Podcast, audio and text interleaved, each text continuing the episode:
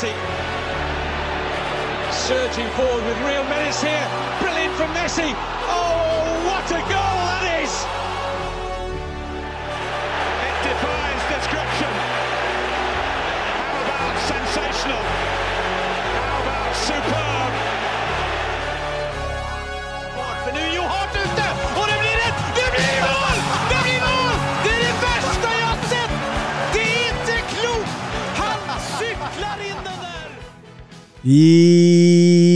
Ja da! Det er en glede å ønske velkommen til episode 157 av det ordinære slaget, Mats. Deilig. Ja, ja, ja. ja. Nå, i Sist gang hadde vi uordinær. Ja, Så du huska å hoppe over igjen, da? altså? Absolutt. Eh, Søren Døpker er med oss for denne, for denne gang òg. Ja, Veldig hyggelig å være tilbake. Ja, du, du var ikke med på den uordinære. Nei, da kunne jeg ikke. Da var jeg i Tromsø. Det så jeg på TV. jeg har aldri sett en så ivrig bortesupporter på Alfheim noensinne. jeg. Nei, Det var jo en uh, ivrig gjeng på uh, vi sier rundt 30 stykk, kanskje. Var Pyro og Pivo der òg? Ja, Morten Gallosen, det var han som, uh, som tok veldig ansvar og uh, var forsanger og fyrte opp de LSK-supporterne som var der. Så bra, så bra. En veldig hyggelig opplevelse. Veldig synd at seieren røyk, selvfølgelig. Men opplevelsen var, var kul. Altså, det er jo kanskje det minste bortefølget jeg har vært med og har vært aktiv i, eh, med tanke på synging og sånt. Det har jo vært eh, eh, svakere bortefølger før. Uh, ikke nødvendigvis med Lillestrøm, og ikke nødvendigvis i en eliteseriekamp. Det er, det er klart det når du reiser på bortefølge med i sjette divisjon, så er det, det er klart det er begrensa da. Men det, det, å, det å synge uh, i 90 minutter med et såpass lite bortefølge, det var, det var en ny erfaring. Og det var, det var litt gøy. Det var litt morsomt. Mm, mm. Jeg så du hoppa og spratt der. eh. Ja, det var fint. det. Det var gøy. God stemning. En annen som har hoppa og spredt i litt, er Mats Granvold. Hei, hei. Uh, nei, det kjenner jeg meg ikke igjen i, faktisk. Det er veldig sjelden du hopper Det er en stund siden sist jeg hoppa. Mm. Ja, Med vilje, i hvert fall. Ja, ok. Du, du, du, du, du hoppa ikke én gang heller under derbyet Lillestrøm-Vålerenga? Uh, nei. Nei. Jeg sitter i stolen. Eh, Godt, godt konsentrert, litt bakoverlent? Ja, men på goalen der så rekker jeg arma i været, liksom. Ja. Eh, men ikke noe mer enn en, en, eh, eufori enn det. Nei, fordi Anders Hansen har jo kommet med et eh, spørsmål på Twitter. Eh, Ferie som serieleder. Hvor sjuk er Adams? Eh, Tanker om serien så langt? Eh, Blir det mer fokus på vår liga nå, som Europa er don de neste månedene sine? Nei, altså, LSK er jo altså, Det er jo den gøyeste tida jeg har opplevd å være LSK-supporter i noensinne. Uh, nå har jeg vært LSK-supporter siden 2010, så det har ikke vært så voldsomt mange høydepunkter å ta av. Men eh, 2021 og 2022, det har vært eh, bra. Det har vært gøy. Uh, AK Adams har i løpet av veldig kort tid rukket å bli en av mine absolutte favorittspillere. En herlig, herlig spiss. Uh, ja, og serien ellers, altså gøy at uh, Vålerenga ligger, ligger såpass langt nede. Uh, det skal jeg være så ærlig å innrømme. Det er også ikke vondt at Bodø-Glimt har litt grann vansker denne sesongen. Det gjør meg heller lite. Uh, og så kan vi jo kanskje si at den negative overraskelsen er Kristiansund. Søren tok alle spørsmåla der, han. Ja, da går vi videre, da. Nei, men altså, en som imponerer meg på Lillestrøm, det er Ogbu. Ogbu er fantastisk, herregud. ja. Det, er, det, er, det er sånn internasjonalt snitt. Vi snakka vel om det under den eh, Champions League-kvelden vi hadde her, at uh, Ogbu Hvis ikke han altså, kommer til en av de topp fem-ligaene om relativt kort tid, så, er, så skjønner jeg ingenting, egentlig. Vi skrev jo litt om det, ikke, ikke Vålerenga-kamp, men eh, kampen før Sarpsborg var det vel? Da vi snak, snakket litt om det, og jeg mener jo at hvis du ser på rene fotballferdigheter, hadde aldri vært en bedre midtstopper i LSK. Han hadde en soleklart beste. Nei, det, er, det er nesten sånn at det er fristende til å si den beste midtstopperen i Eliteserien i moderne tid. Ja. Fordi det er, det er, det er så mye Altså, man er så mye bedre enn alle andre, da. Mm. Og så ruvende. Ja. Dominerende. Eh, det var hans skyld på den eh, Eller Han og Mats Hedenstad Christiansen Ja, i men, men, Skjønnforening. men jeg syns Ogbu er litt i veien for at Hedenstad skal gå ut der, da. Ja, men jeg syns Hedenstad feilberegna også.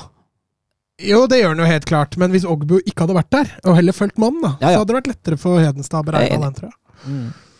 Så det, det var ikke bra. Det er 2-2-målet mot Tromsø dere snakker om. Ja. Mm. Men eh, de aller, aller fleste som slår på 90 minutter, de hører ikke på pga. norsk fotball. Så da, da, da tar vi oss en tur videre, og nisselue på. Han, eh, han er ikke helt ferdig med Champions League-finalen, selv om vi har en uordinær episode der. Den annullerte skåringen til Benzema må diskuteres, da TV 2 valgte å nærmest slippe hele studiosendingen til fordel for reklame. Det var en biffen. Biffen. Ja. Det er vel eh, to Liverpool-spillere som sammen kløner den ballen til Benzema, hvorav i alle fall Konatés involvering er en eh, deliberately played ball. Hva tenker vi her? Eh, Vi, vi var jo litt inne på det, at vi forstår ikke helt selv, gjør vi det? Nei, fordi det som gjør det litt utydelig der altså Ja, det er ingen tvil om at uh, Hvem er det som er først på ballen igjen? Valverde. Valverde. Valverde, ja. Er den, men Konaté takler den jo vekk fra mål før da Nei, åssen var det igjen? Ja, ja. Jo. For, jo, jo. så I, I da I eh, Trent, var det det? Nei, nei, nei. Fabinho? I Fabinho. Fabinho var det. I kneet der, og så går den tilbake igjen da til Benzema. Så, nei, jeg- Det er to Liverpool-touch før det blir Ja, Og dem går hver sin vei. Ja. Og, og jeg ser f.eks. folk på Twitter hevder ja, deflection, deflection, men, men for meg så er ikke det en deflection. Altså, Det ser nesten ut som Alverde sin er en deflection nå, da. Det er jo tre deflections. Hva, hva, hva tenker du som ikke har jeg, jeg blir jo overraska, så jeg så, jo, jeg så jo den på en pub i Tromsø. Og så da jeg så, da jeg så reprisen om at Konatek takla den foran seg, ja, dette må bli scoring. Og jeg blir jo overraska sjøl. det var fint å høre at dere, dere så det samme som meg da jeg slo på episoden på søndagsmorgen. Men da konkluderte vi med at de som hadde, skulle ha peiling på det, har jo dømt annerledes enn oss. Ja, så vi jeg- bare la oss egentlig ha tenkt Ja, at- men samtidig, jeg har tenkt på det. Jeg har tenkt mye på den der, fordi den, jeg har ikke helt klart å slå meg til ro med den. Og jeg kjøper ikke den deflection, da. Den derre Altså, altså For meg så, så ser det ut som to Liverpool-spillere som kløner ballen til Benzema, og dermed er ikke han i offside. Mm. Altså, jeg, jeg, klø- jeg kjøper deflection på Fabinho. Det er greit, men Konaté gjør jo en aktiv handling. Han går jo aktivt inn og spiller ballen helt bevisst, og det er jo stikk motsatt av en, deflection, da. Mm. Mm. Nei, så det skjønner vi ikke så veldig mye av, selv om Svein Erik Edvardsen på Twitter er soleklar. Det som er litt slitsomt, er at folk venner seg til han får svar på dommerting. Ja, Og det kjenner jeg at jeg blir litt sliten av. Ja. Jeg vet. Eh, og så er han så, han er så mye bedre enn alle oss andre, da. Eh, Der kommer han så tydelig fram. Ja. Og det er litt slitsomt. Hvis folk bare kan slutte å spørre han om hva som er rett og galt. Altså. Finne Ja. noen andre. ja, jeg flirer av den Ta og spør Thomas Edvardsen. Han er like, like kapabel, han. Eh, Jeg, jeg flira forresten av den um, De hadde jo satt mikk på Ro- Roggi mot uh, Lillestrøm-Vålerenga. Heter han ikke Roggi? Sagi. Sagi. Roggi. Rohit Sagi. Roggi. Sagi Rohit. Sagi Rogit. eh, Et eller annet. Eh, Syns han dømmer en kjempekamp. Eh, Syns også han har en god og fin tone med spillere ute på banen der. Eh, Setter linja her, og så, og så, og så holder det. Og og jeg, jeg ser jo han er jo ute på Twitter og, og halshugger kommunikasjonen hans òg. Og det jeg, skjønner ikke helt. Det, det, det, for meg da så virker det som en kar som er mer opptatt av å få Han virker veldig bitter. Ja, ikke sant. Ikke sant. Så det Jeg skjønner ikke at Betson kan fortsette sånn, jeg, å ha en sånn i med på laget. Han, han tagger jo alltid Betson og er en Mm. del av Nei, Jeg fatter ikke helt, altså. Det skaper jo sikkert klikk og oppmerksomhet når Edvardsen sier noe, for det finnes jo sikkert folk som er veldig enige med ham, og så finnes det folk som er veldig uenige med ham. Jo, Og men De som er enige med han, er de som mener han har rett. Ja, men begge, begge, Jeg, begge fø jeg føler den, den vinden snur litt innimellom. Ja. For det er sett andre Spørs åssen lag Ja, det Ja, akkurat ja. det. At folk han Ja. hvis det går mot dems lag, og så omvendt. men, men å ha en sånn litt sånn polariserende figur når noen skal klikke seg inn på en artikkel, og ha den polariserende figuren som, eh, som publiserer det, er kanskje ikke det dummeste for Betson. Det blir sikkert en del klikk på det han poster på Twitter. Ja, men jeg har avfølt Edvardsen for lenge siden. Ja, jeg orker heller ikke. Men, Nei, ikke men han dukker jo opp stadig vekk, fordi folk jeg følger, kommenterer jo og liker dette. Så det er voldsomt mange kommentarer fra våre nærmeste følgere, ser jeg innimellom der. Så det, det, det, det ser jeg som underholdning, da. Det må jeg si. Eh, Geir Halvor Kleiva. Eh, hvordan kommer man over en tapt Champions League-finale? Hvorfor må de jævlene i Madrid ha så flaks i Champions League? hvorfor? Eller hvordan? Hvorfor? Hvorfor de har flaks? Ja. Ja, Det kan jeg ikke svare på, tror jeg. Jo, Det kan du svare på. For det, det, det er altså Gode lag skaper sine egne marginer. De skaper jo altså, Det er jo aldri altså, det, det er veldig sjelden altså, eh, Rosenborg hadde jo ikke klart dette, som Real Madrid gjør. Altså, det er jo et fundament her. Altså, Altså, det har en Benzema, en Courtois Altså, det er, det er to absolutt Jo, men da, men ypperste er det jo verdensstjerner. da er det jo ikke så mye flaks igjen, da. For da er det men jo gode, jo- det gode lag. Ja, men de, Jeg de, de blitt Den blei jo egentlig rundspilt både mot Ja. Chelsea og City. De blei også rundspilt i én kamp mot Paris Saint-Germain. Blei rundspilt i, i Nei, blei ikke rundspilt i finalen, men de, de var det svakeste laget i finalen.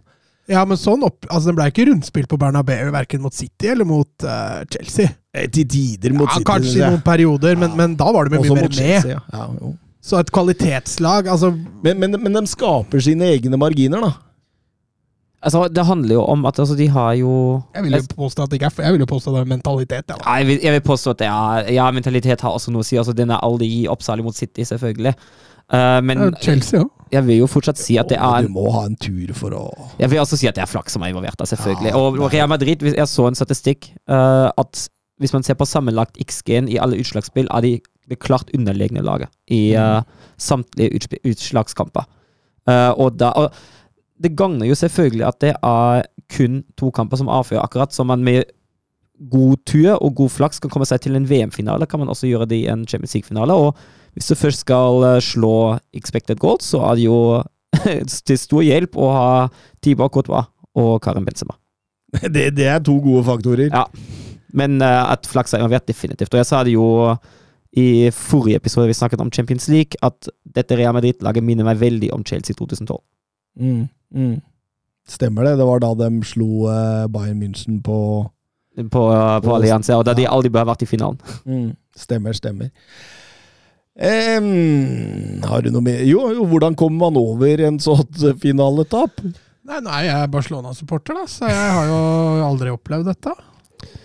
Nei, det beste er jo Jeg veit ikke, altså. Det er, det er bittert og tungt. Uh, men når den første skuffelsen er over altså, Liverpool har jo spilt en fantastisk sesong, uh, og potensialet uh, til å kunne gå til topps igjen med det laget der, det er jo stort.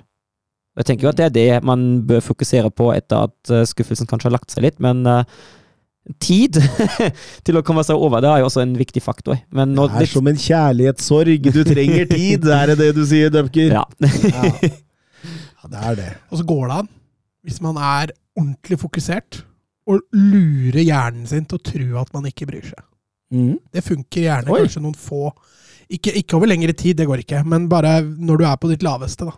Mm. Og så bare gå og fortelle veit du hva, Ja. fuck it.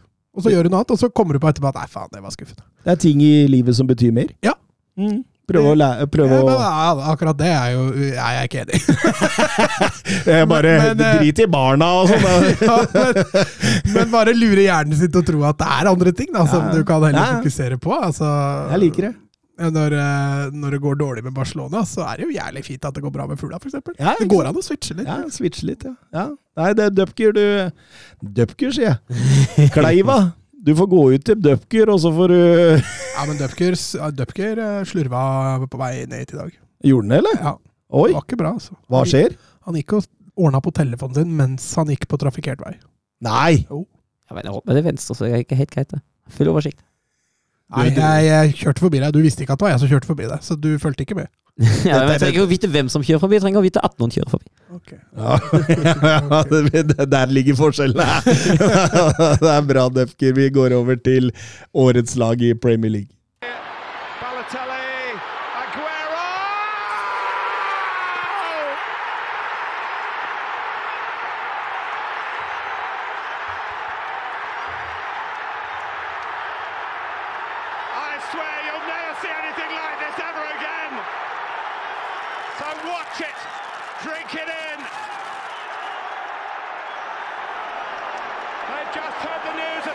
Ja, i siste ordinære episode så hadde vi årets lag i Tyskland, og i dag så skal vi gå gjennom årets lag i de fire resterende ligaene, og vi begynner med Premier League. Eh, Vi gjør som vi pleier. Vi eh, starter eh, på én som har sine nominerte.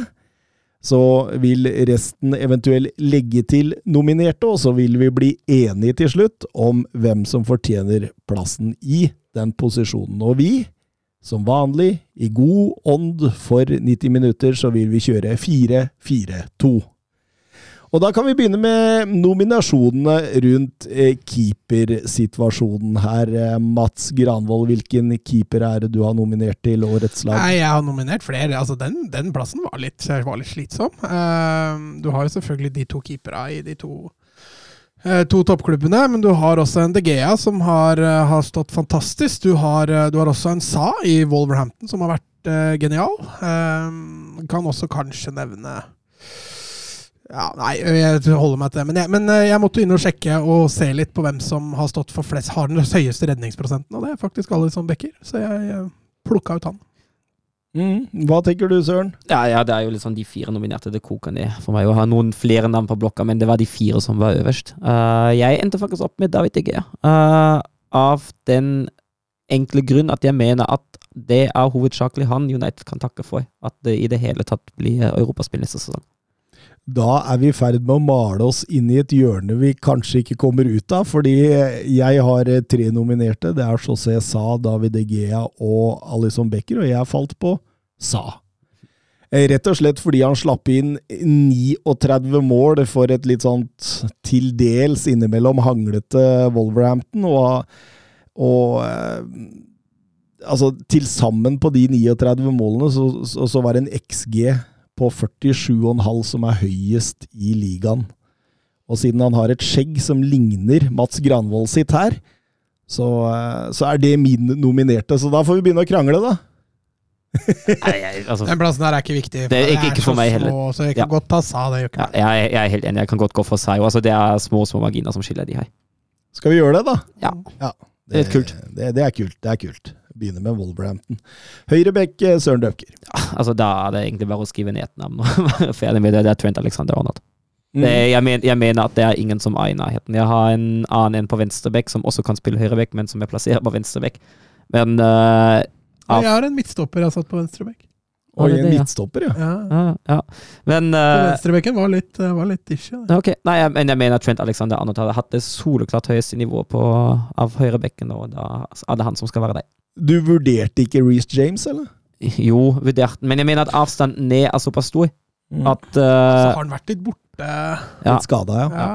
Og jeg, jeg mener som sagt det er, det er strengt tatt ingen som har vært i nærheten. Han som har vært i nærheten, har jeg satt på venstrebekk. Så han faller litt ut der. Mm. Mm.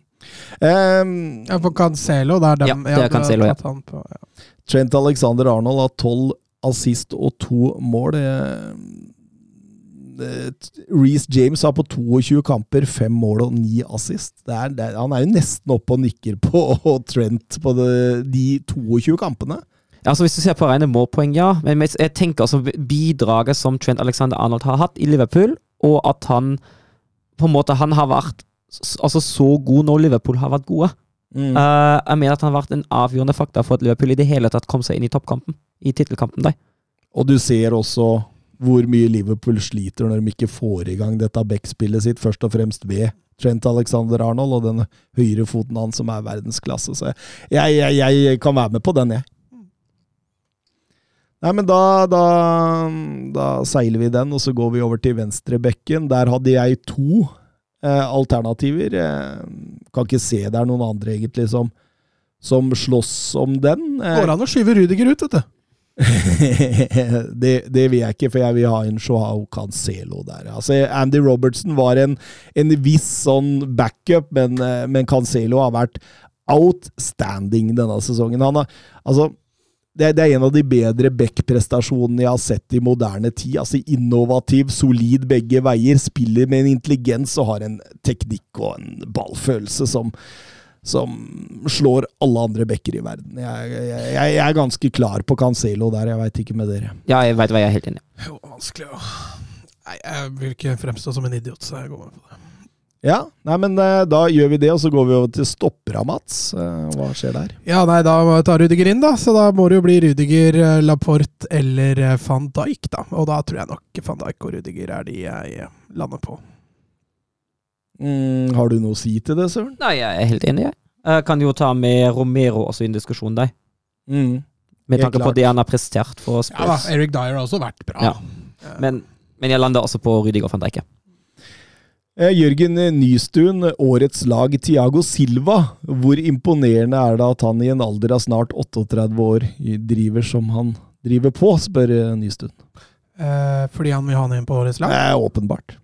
Eh, nei, det er jo superimponerende med tanke på alder og, og sånn. Han er jo ekstremt viktig for det midtforsvaret til Chelsea. Det ser jo alle som ser Chelsea, at eh, Thiago Silva borte er nesten litt som van Dijk borte i, i Liverpool. Så veldig imponerende, men jeg syns ikke han når opp, når opp her.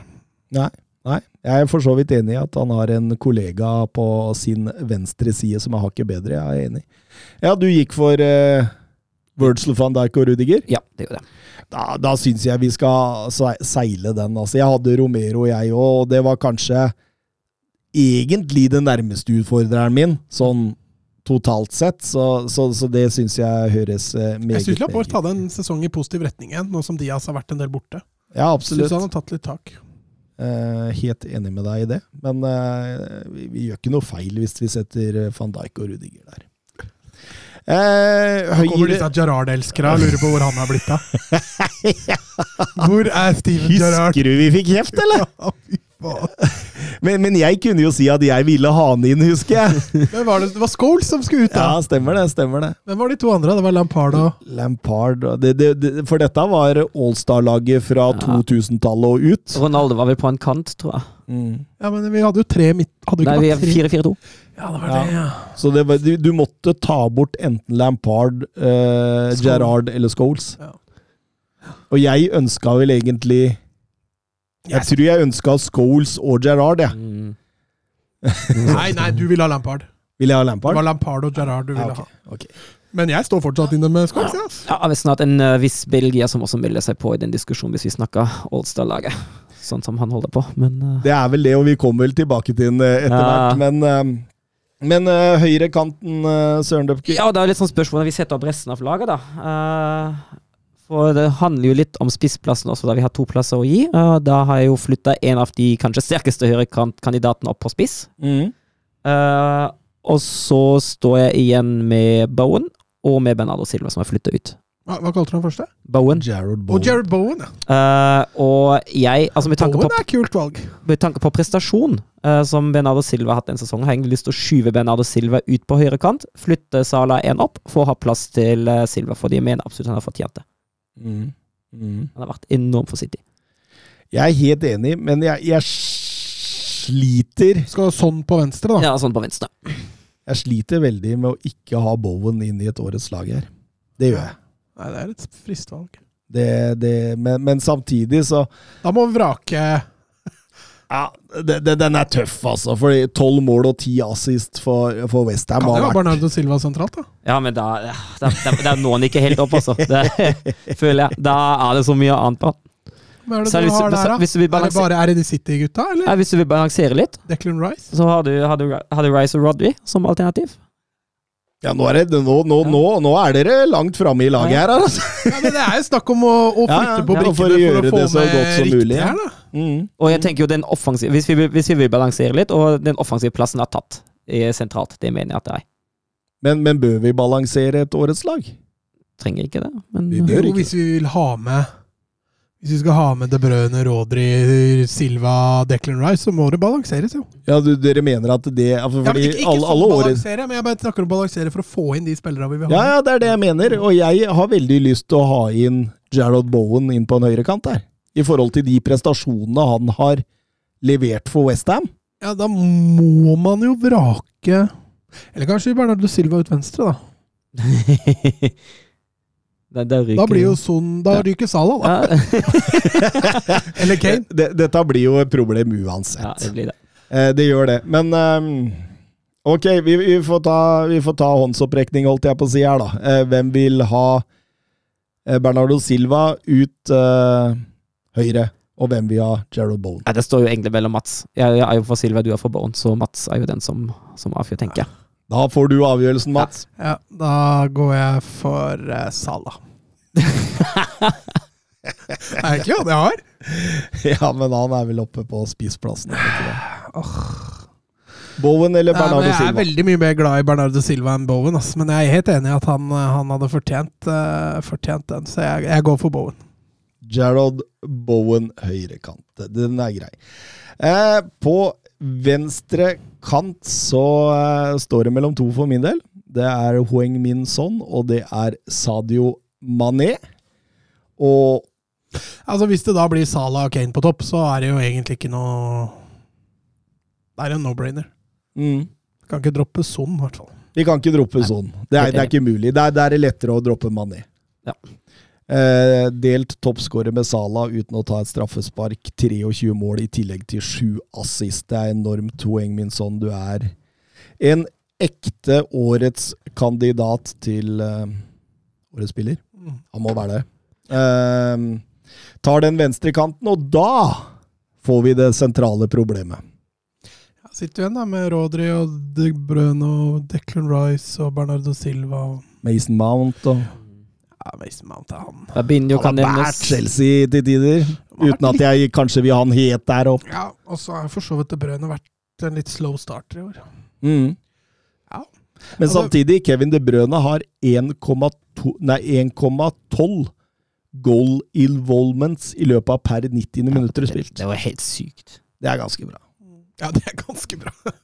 Uten å ta i. Var noe skadeplaga i innledningen av sesongen, men har bare kommet sterkere og sterkere utover. Eh, Var litt var litt skuffa over han i, i eh, Champions League-semifinalen mot eh, Real Madrid. Trodde han skulle ta enda mer tak der, men her er det jo Premier League det går på. Ja, nei, jeg syns ikke vi kan vrake det brønnet, egentlig. Det kan vi ikke gjøre. Jeg er helt enig, De Bruyne er ganske selvskreven på det laget. Han er eh, den første. Mm. Så da står det mellom Bernardo Silva, Declan Rice og Rodri, da, eller? Ja. ja, jeg tenker det. Altså, som sagt, jeg har, jeg har skrevet ned Mount, jeg har også skrevet ned Fabinho. Jeg har altså som en liten outsider skrevet ned James Madison, men jeg er enig at det står mellom de tre. Det er de Mm. tre som er nærmest i prestasjon. Da vil jeg ha Bernardo Silva. Det ble helt stille her. Ja, jeg, kan, jeg kan gå med på det. Jeg skrev ned Rodri, men jeg kan fint være med på Bernardo Silva. Mm. Ja, jeg tenker jo enten Tenker at vi kaster Silva balansen eller, ut, og så Eller Declan Rice, ja. mm. Ja, Declan Rice er bra. Utvikler seg hele veien her. Det er, To Westham-spillere skal få plass inn på det Eller? ja, og det, det er litt for mye. Ja, det er det. Så derfor syns jeg, jeg Jeg heller mot Bernardo Ja, jeg kan, jeg kan støtte det. Det er fint. Det er greit. Da gjør vi det, og ehm, da, Søren, da har vi spissplassen. Ja, og det er Kane og Salah for min del. Det var egentlig ikke så mye å tenke på. At det, jeg synes, altså, sånn, at det, sånn at det sto fast på at Salah skulle skyves opp, og sånn at jeg fant gode alternativer på midten, så tenkte jeg at da da er det de to. Hvis ikke Salah ble skyvet opp hvem Nei, Det, har, det er jo noen, noen andre spisser som, eh, som har prestert. Eh, Ronaldo har tross alt skåret 18 mål, han kan jo nevnes. eh, selv om jeg personlig mener at han ikke hadde en så god sesong som skåringene skulle tilsi. Hold den ballen litt eh, på Twitter, Chris Berba. Dere som mange er veldig kritiske til Cristiano Ronaldo. Men 18 skåringer i ligaen, kun slått av Salah og Son.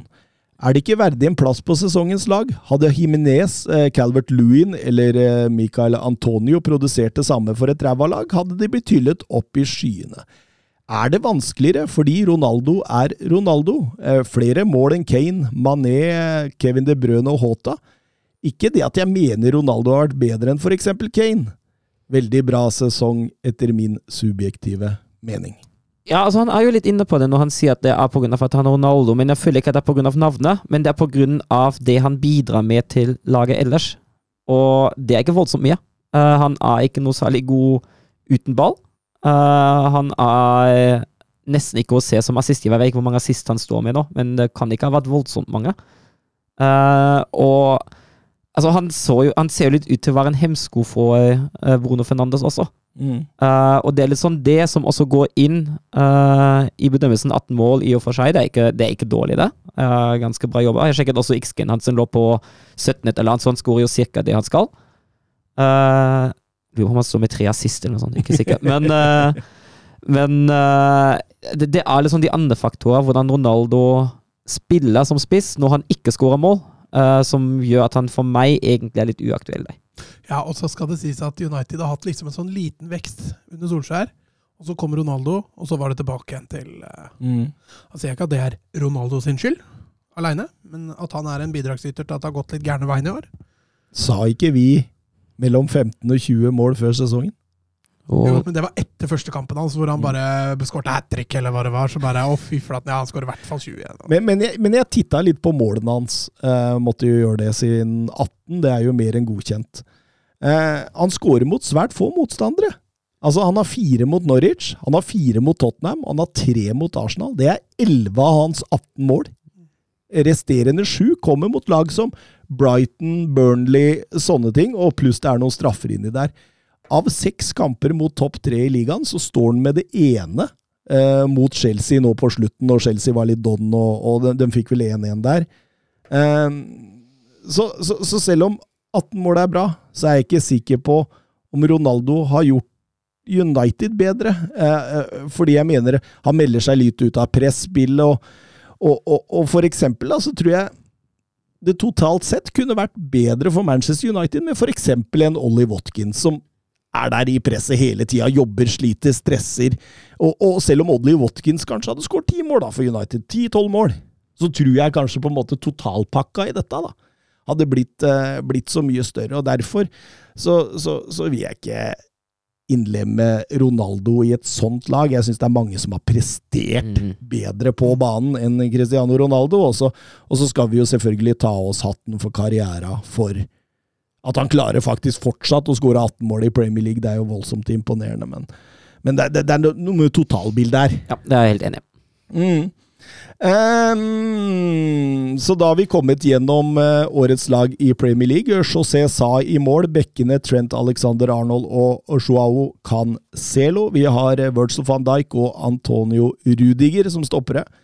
Kevin De Brøne og Bernardo Silva sentralt på midten. Venstrekant Hoeng Min Son. Høyre kant Bowen med Mohammed Salah og Harry Kane på topp.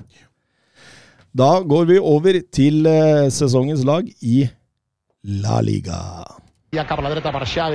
Assistència de Xavi més cap a dreta per Messi, Messi, Messi, Messi, Messi, Messi, Messi, Messi, immens Messi, encara Messi, encara Messi, encara Messi, encara Messi, encara Messi, encara Messi, encara Messi, encara Messi, encara Messi, encara Messi, encara Messi, encara Messi, gol, gol, gol, gol, gol, gol, gol, gol, gol, gol, gol, gol, gol, gol, gol, gol, gol, gol, gol, Og i Premier League så begynte vi med Mats, og da kan vi begynne med Søren Ja, denne for den gangen. keeperplassen blir det mye diskusjon. Oi, den blir fryktelig vanskelig. Er? Det var egentlig bare å skrive, skrive ned ett navn, og det er Tivor Kotva, og så være ferdig med det. Få en prestasjon. Verdens beste keeper. Ja, jeg, jeg, jeg Altså, når Oblak er svakere enn vanlig, så er, da er det i hvert fall ikke noe konkurranse der. Eh, Bono hadde en OK sesong i Sevilla. Nei, OK minus, vil jeg Ja, si. ja. Eh, sto i et par kamper, og spesielt når det var i Afrikamesterskapet, så kom jo han litt ødelagt tilbake. Så jeg, jeg syns ikke Bono skal være med i den diskusjonen her. Nei, men det, det er jeg helt enig i. Det er jo ingen keepere som skal være med i den diskusjonen der, for det er verdens beste keeper, som Søren sier. Ja, årets keeper i verden, egentlig. Det er jeg helt enig med dere i. Det er, det, er, det, er, det er bare å hylle den sesongen han har hatt. Eh, på høyrebekk derimot, der sleit jeg voldsomt. Altså, jeg, det, jeg kom til det at det er det noen gode høyrebekker i La Liga? Jeg endte opp med en eh, trio. Eh, Oi, tre mann på høyre. ja, jeg klarte å få, få fram en trio der. Pablo Mafeo fra Mallorca har jeg latt meg imponere over. Jeg har hatt en strålende sesong. Eh, så de hadde gjort eh, lånet permanent nå også, fra Stuttgart. Eh, Damian Suárez fra Getafe. Eh, mister soliditet og kompromissløshet. Eh, og en liten black horse i Joan Foyt fra, fra Villarreal, som jeg syns har levert bra. Ja, nei, De to første har ikke jeg i poolen min engang. Eh, Jeg landa på en helt annen, faktisk. Eh, Jeg. Foyt uh, vurderte jeg sterkt. Eh, Jeg har veldig glad i Marcos Llorente. Og tenkte at eh, høyrebekk er kanskje den plassen jeg kan få han inn. Uh, har spilt mye der. Riktignok som wingback, men har gjort den solid. Men han jeg landa på, var Hector Beirin fra Mhm. Betis. Jeg skyver en midtstopper ut på høyre kant, jeg. Høyre kant. Nei, høyre bekk, unnskyld. Uh, Araujo. Jeg skyver han ut. Mm, Ja, han spiller litt høyre. Ja, han spiller høyre, høyre bekk. Og jeg tenkte at uh, han har jo prestert bra. Ja, Og jeg får ikke plass til ham sentralt, men jeg får plass til ham på høyre bekk. Og jeg mener egentlig at han er bedre enn alle de andre, med tanke på prestasjon. Jeg har han på stopper, det. Men Ja. eh, det kan jo frigjøre en plass. For høyrebekken er jo en liten akilles her. Da. Jeg er med på Arojo på høyre. Det er, har jeg ingen problem med. Jeg, jeg, jeg sleit litt å ha han med inn på stoppeplass, Mm, ja. jeg òg, men det, det var et eller annet i meg som sa da Han må jo med. Ja, ja. Det var, men da, og så må jeg ha med en Barca-spiller, og jeg sleit veldig med å få til det. Sleit å få med andre! Ja. Men Arojo, en strålende eh, sesong så langt. Syns han vokser og vokser i, i spillet sitt. Blir mer og mer moden, mer og mer tillits... eh, Altså at du, du, du føler du kan stole på han. Mm. Og, og, og eh, vel fortjent inn på høyre eh, årets lag. På venstrebekker derimot, der er det noen. Ja, jeg koker, det- koka i hvert fall ned til to mann, egentlig. Ehm, kan jo skyve Alaba ut for å, få, for å få han med. Han har jo hatt en strålende sesong, riktignok kanskje mest som stopper, men, men det er en mulighet å, å skyve han Skyve han ut. Eh, Jordi Alba er en veldig god kandidat. Har vel aldri hatt flere assist enn det han har hatt i år. Eh, og så har du Marcos Acuña. Nok en god sesong i Sevilla. Og så har jeg lyst til å slenge inn en dark horse i Havi Galant, som har spilt seg inn på veldig mange ryktebørser eh, med denne sesongen i Celta Vigo. Galan er jeg også veldig glad i denne sesongen. Altså En sånn toveis Becks-type. Liksom, mangler kanskje noe sluttprodukt der eh, i forhold til innleggene sine, men jeg syns han har hatt en strålende sesong for, for Celta Vigo. Eh, valget mitt eh, falt til slutt på Jordi Alba. Ja, mitt òg. Det kan istemmes. Men jeg hadde ikke lyst til å si det sjøl. Hadde Ferland Mendy spilt flere enn 22 kamper, så kunne han vært med i den eh, diskusjonen Med tanke på hva han har anmeldt for i Frankrike, så hadde Søren hadde ikke nekk gått med på det. Uff a meg. Uff a meg. Um, midtstopper, Søren Døpker. Ja, da har jo Mats allerede nevnt Alaba.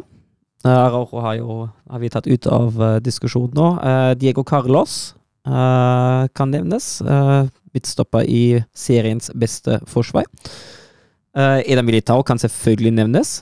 Uh, David Gazia fra Osasona som en liten dark horse. uh, og det samme med Gabriel, men jeg landa til slutt på Alaba og Diego Carlos. Jeg mener at eh, Alaba har vært strålende for Real Madrid, og Diego Carlos har egentlig vært eh, den mest solide og den beste, eh, med tanke på at Kondé ikke hadde en så sterk sesong i eh, La Ligas forsvar med færrest baklengsmål. Jeg har litt lyst til å slenge inn Lenormand òg, eh, i Sociedad. Han har vært eh, strålende denne sesongen. Og, eh, Sociedad var jo veldig sånn Enten slapp de inn dritmye mål, eller så slapp Mm. de inn ingenting. Og de gangene de slapp inn ingenting, så var det jo en fellesnevner, og det var at han var der. Eh, så han har hatt en fantastisk sesong, så jeg jeg heller egentlig litt mot Lenormand. Også ved siden av han så er det de samme som Søren nevner. Jeg syns også Piquet egentlig har hatt en grei sesong. Eh, Mm. kan nevne han òg. Det har vært litt rart å ha tre Barcelona-forsvarsspillere bak i Ja, men jeg, har ikke landa på Piquet, nei. Nei, nei. Jeg, jeg landa egentlig ikke på Jordi Alba heller, jeg. Så, Du bare tok den imot? ja, jeg tenkte det gidder jeg ikke å diskutere det mer. Eh, men Alaba og Lenormand tror jeg, tror jeg nok blir mitt eh, valg. Ja, eh, og da blir det, siden jeg da sitter med ja, Altså, siste jeg bare nevner Raúl Albiol. For en deilig fotballspiller, ass. For en gammel mann. Ja, ja, men for en deilig fotballspiller. Ja, helt klart, helt klart. Nei, jeg, jeg lener meg på Søren her, jeg, altså. Eh, og og, og det, de orda Søren sa, det var akkurat som om jeg skulle sagt dem sjøl. Fordi altså, er det en som også har imponert meg eh, veldig denne sesongen, så er det jo Sasonas kaptein eh, Garcia der. En, en kriger. Jeg tror han har Han er vel øverst på alle lister når det kommer til duellspill, klareringer, hodevunnet Altså, han er litt sånn Litt eh, Pau Torres uten Pau Torres-rykte, hvis du skjønner. Altså, mm, 28 år eh, fortjener vel kanskje et eventyr i et litt større klubb, kanskje. Men, eh, men jeg syns vi må ha med en Sevilla, ligaens beste forsvar. Og, og Condé har vært ruskete, så da blir det Diego Carlos. Han har vært litt ruskete, han òg, skjønner du. Ja, han har det, men likevel bedre enn Condé. Og det er litt sånn rart at vi greier å få plass til en Premier League-stopper i årets lag i La Liga. Det er greit.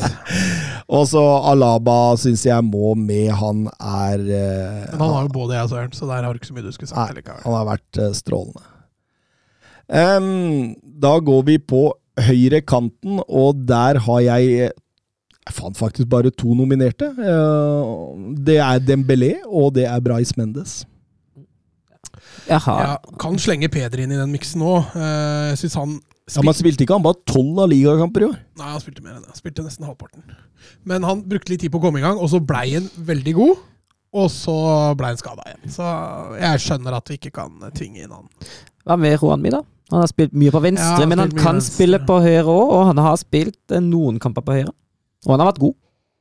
Ja da. Eh, men jeg kan eh, godt være med på Bryce Mendes. Han også har uh, Jeg vet ikke hva jeg skal se. Se antall kamper på Pedri. Jeg har sett tre skåringer og 7,5 i rating! Han må jo med. Jo, men se på antall kamper. Nei, jeg ser på mål og assist. Han har tolv av ligakamper. Da, da, da, får, da, da kan man ikke forsvare. Selv om jeg skjønner tanken din med å ville ha han med, fordi det er et smykke av en fotballspiller.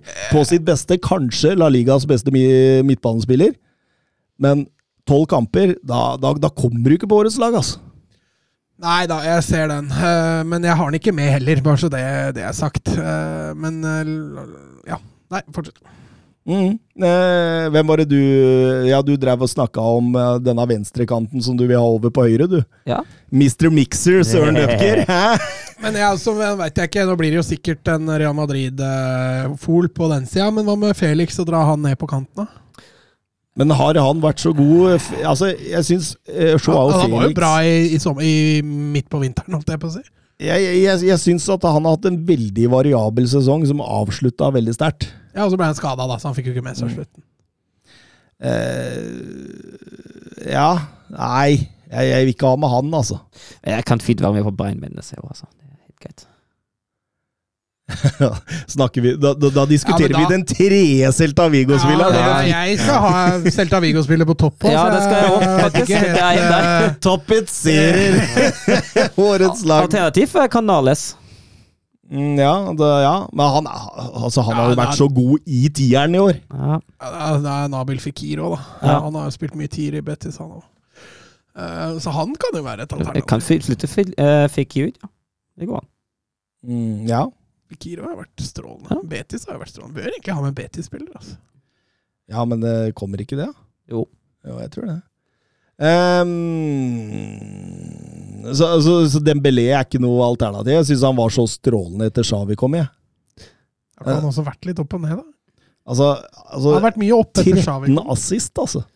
Altså, det, det med å dra av mann, skape ubalanse Det var noe sårt tiltrengt der som Barcelona fikk, da. Men, men Og så spilte han jo Han spilte jo møkk før Shawi kom, hvis han i det hele tatt spilte. mm, Og så har han jo variert etter Shawi kom òg. Jo da. Jo. Og spesielt i viktige kamper. Altså Mot Frankfurt var han jo totalt bortreist. Mm. Han var god mot uh, Real, da. Det skal sies. Det er vanskelig, den her, altså. Mm. Den er vanskelig. Um, Nei, jeg tenker uh, Fekir ut høyre, eller ja, ja Dembélé, da. vi tar uh, Nabil Fekir ut høyre. Skal vi gjøre det, gutta? Vi gjør det. Han har hatt en strålende sesong, så jeg syns vi forsvarer det. Ja, da gjør vi det. Um, Venstrekanten uh, er vel ikke noe Nei, vi skriver Venitius der, vi. diskusjon. Så må vi i 90 minutter erkjenne det at han, eh, han har fått sluttprodukt.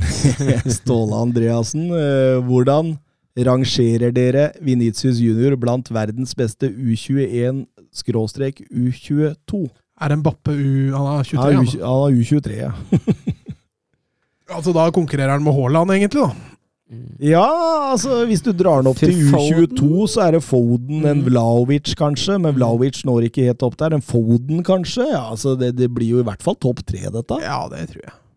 Mm. Jeg vet ikke hvordan Bellingham også Han er vel oh, ja, ja Bellingham kan faktisk være med i en diskusjon der også, men han er en litt annen spillertype. Mm. Ja, det er ikke så lett å sammenligne Nei, det er ikke det. Vinicius og Bellingham. Nei. nei, han er i hvert fall helt i toppen. Det, den sesongen her har han spilt seg inn i Ganske likt med Haaland rett bak Foden, vil jeg si. Så Haaland og Vinicius het på toppen? Nei, Hvem er het på toppen? rett bak Foden. Jeg mener Foden er Og på. Foden er helt på toppen, Mm. ja. Ok, sånn, ja.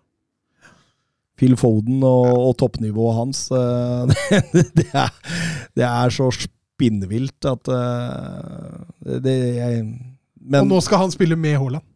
ja, det, blir det blir trygt. Det blir trygt. Det blir slitsomt.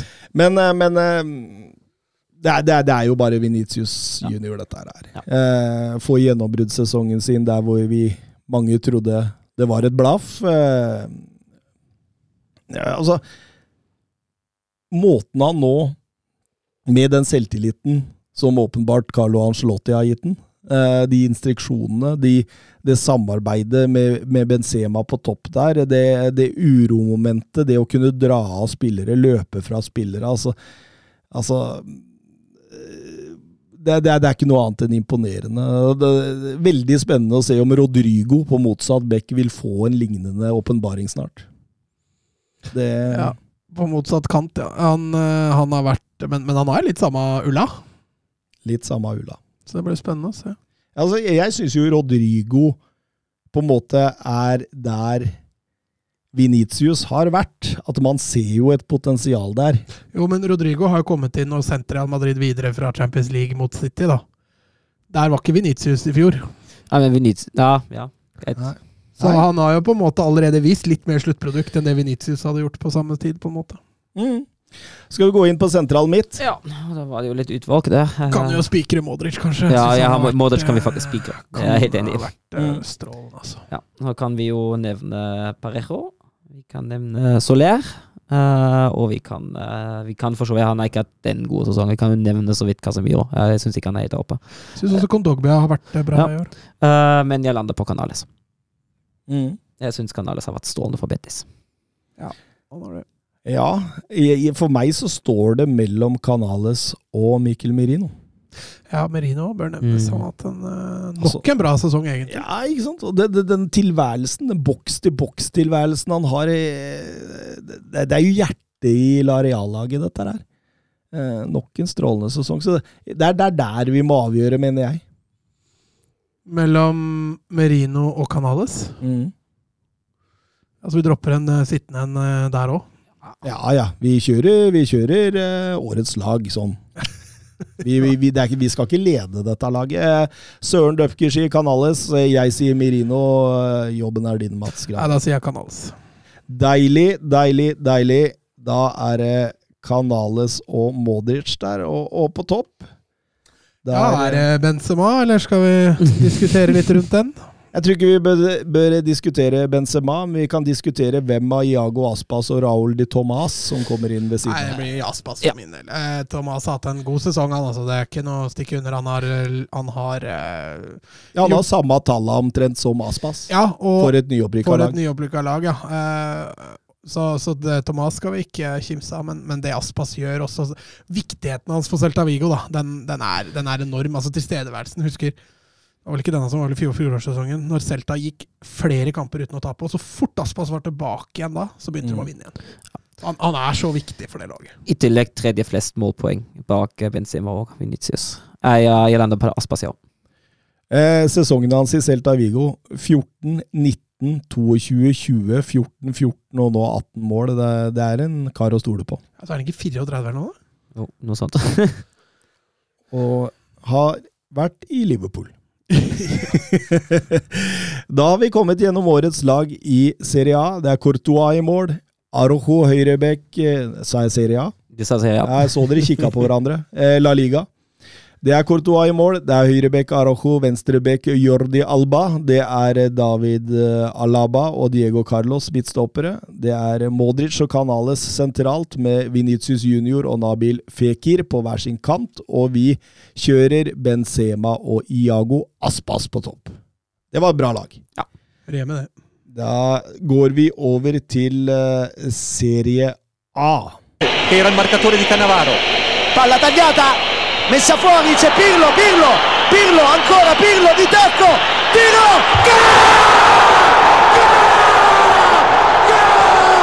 grosso, grosso, gol, gol di grosso, gol di grosso. Ja, eh, Serie A. Eh, det er vel jeg som begynner på keeperen denne gangen, og jeg syns jo denne keeperen her er like klink som han var i, i La Liga. Jeg har også bare skrevet ned ett navn på keeper, faktisk. jeg. Mike Manja. Ja, helt enig. Eh, gjorde altså eh, Gjort savna Donnarumma minimalt, i hvert fall. Har han ikke vært bedre enn Donnarumma? Eh, På enkelte ting, ja. Mm. Altså medvirkende årsak til at Bilan vinner Scudettoen, altså i mine øyne. Eh, strålende. Holdt nullen 17 ganger.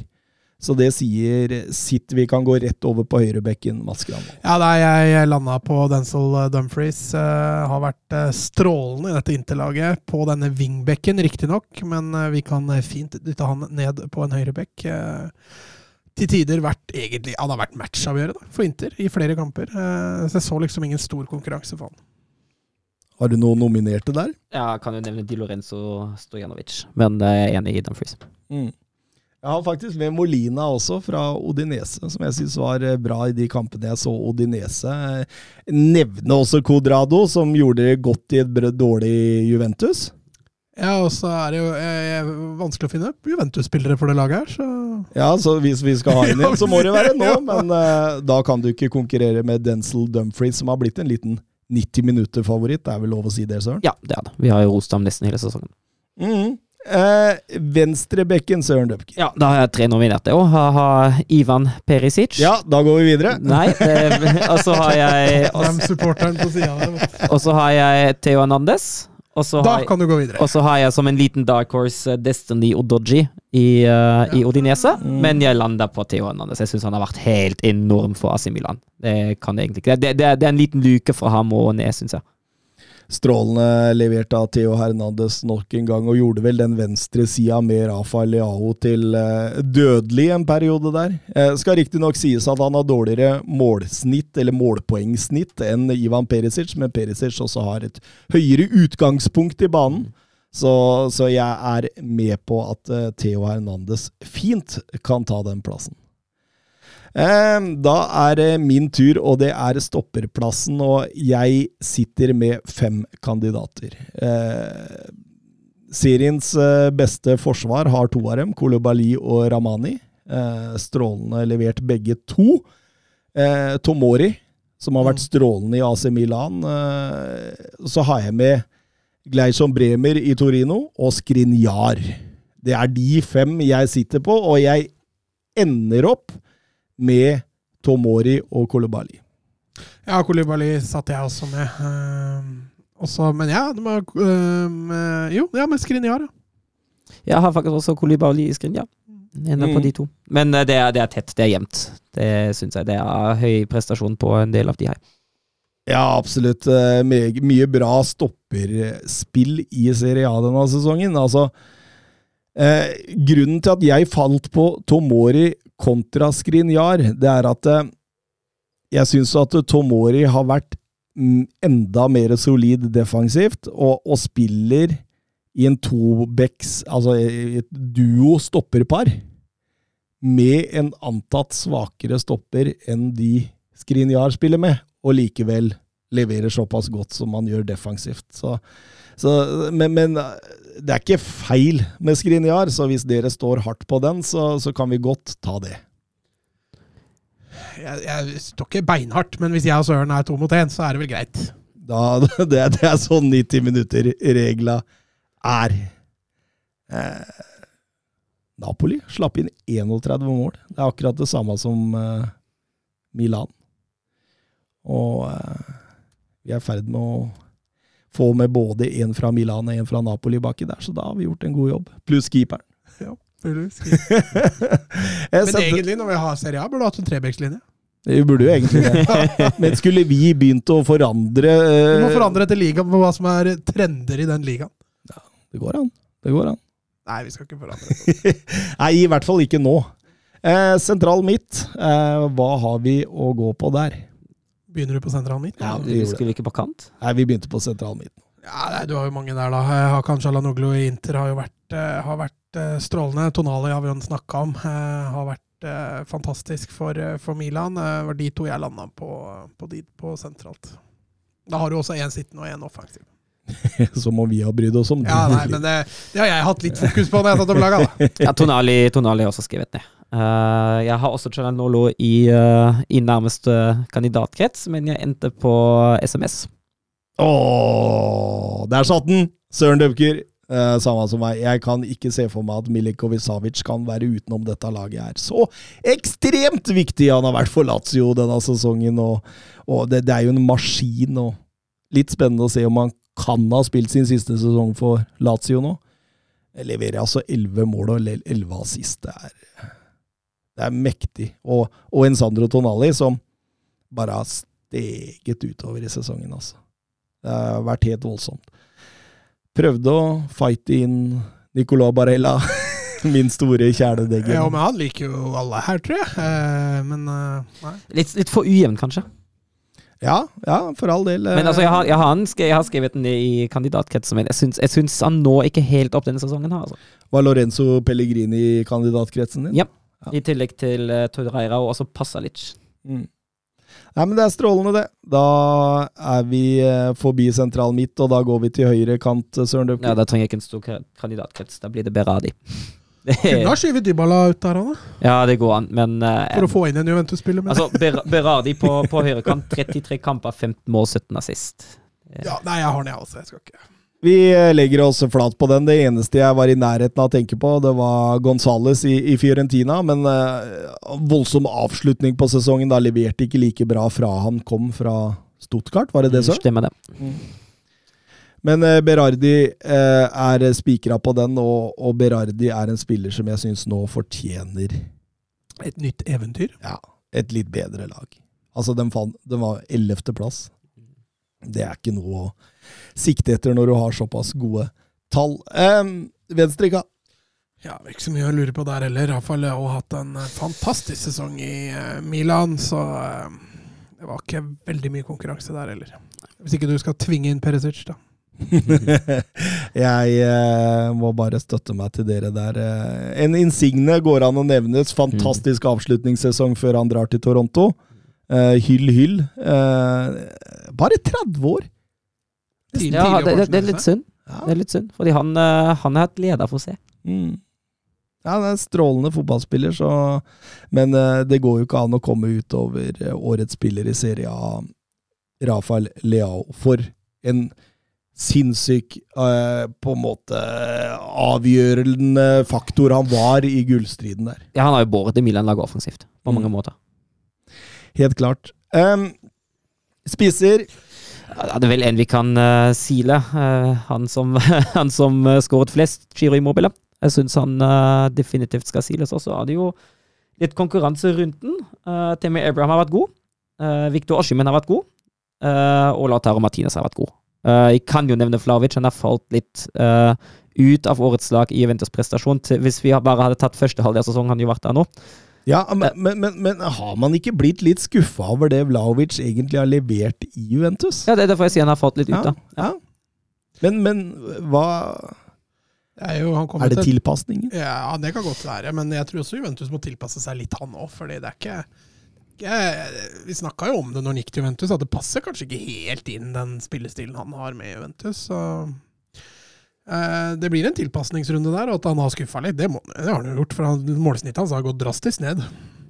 Hadde han vært i Fiorentina, hadde han sikkert hatt godt over 30. Ja, det tror jeg. Fordi, altså, det, det, men det er jo liksom at en del av det Juventus gjør offensivt, baserer seg jo på enkeltmannsprestasjoner og litt tilfeldigheter. Og det er, det er ikke så lett for en spisstype som Vlavic å komme inn der.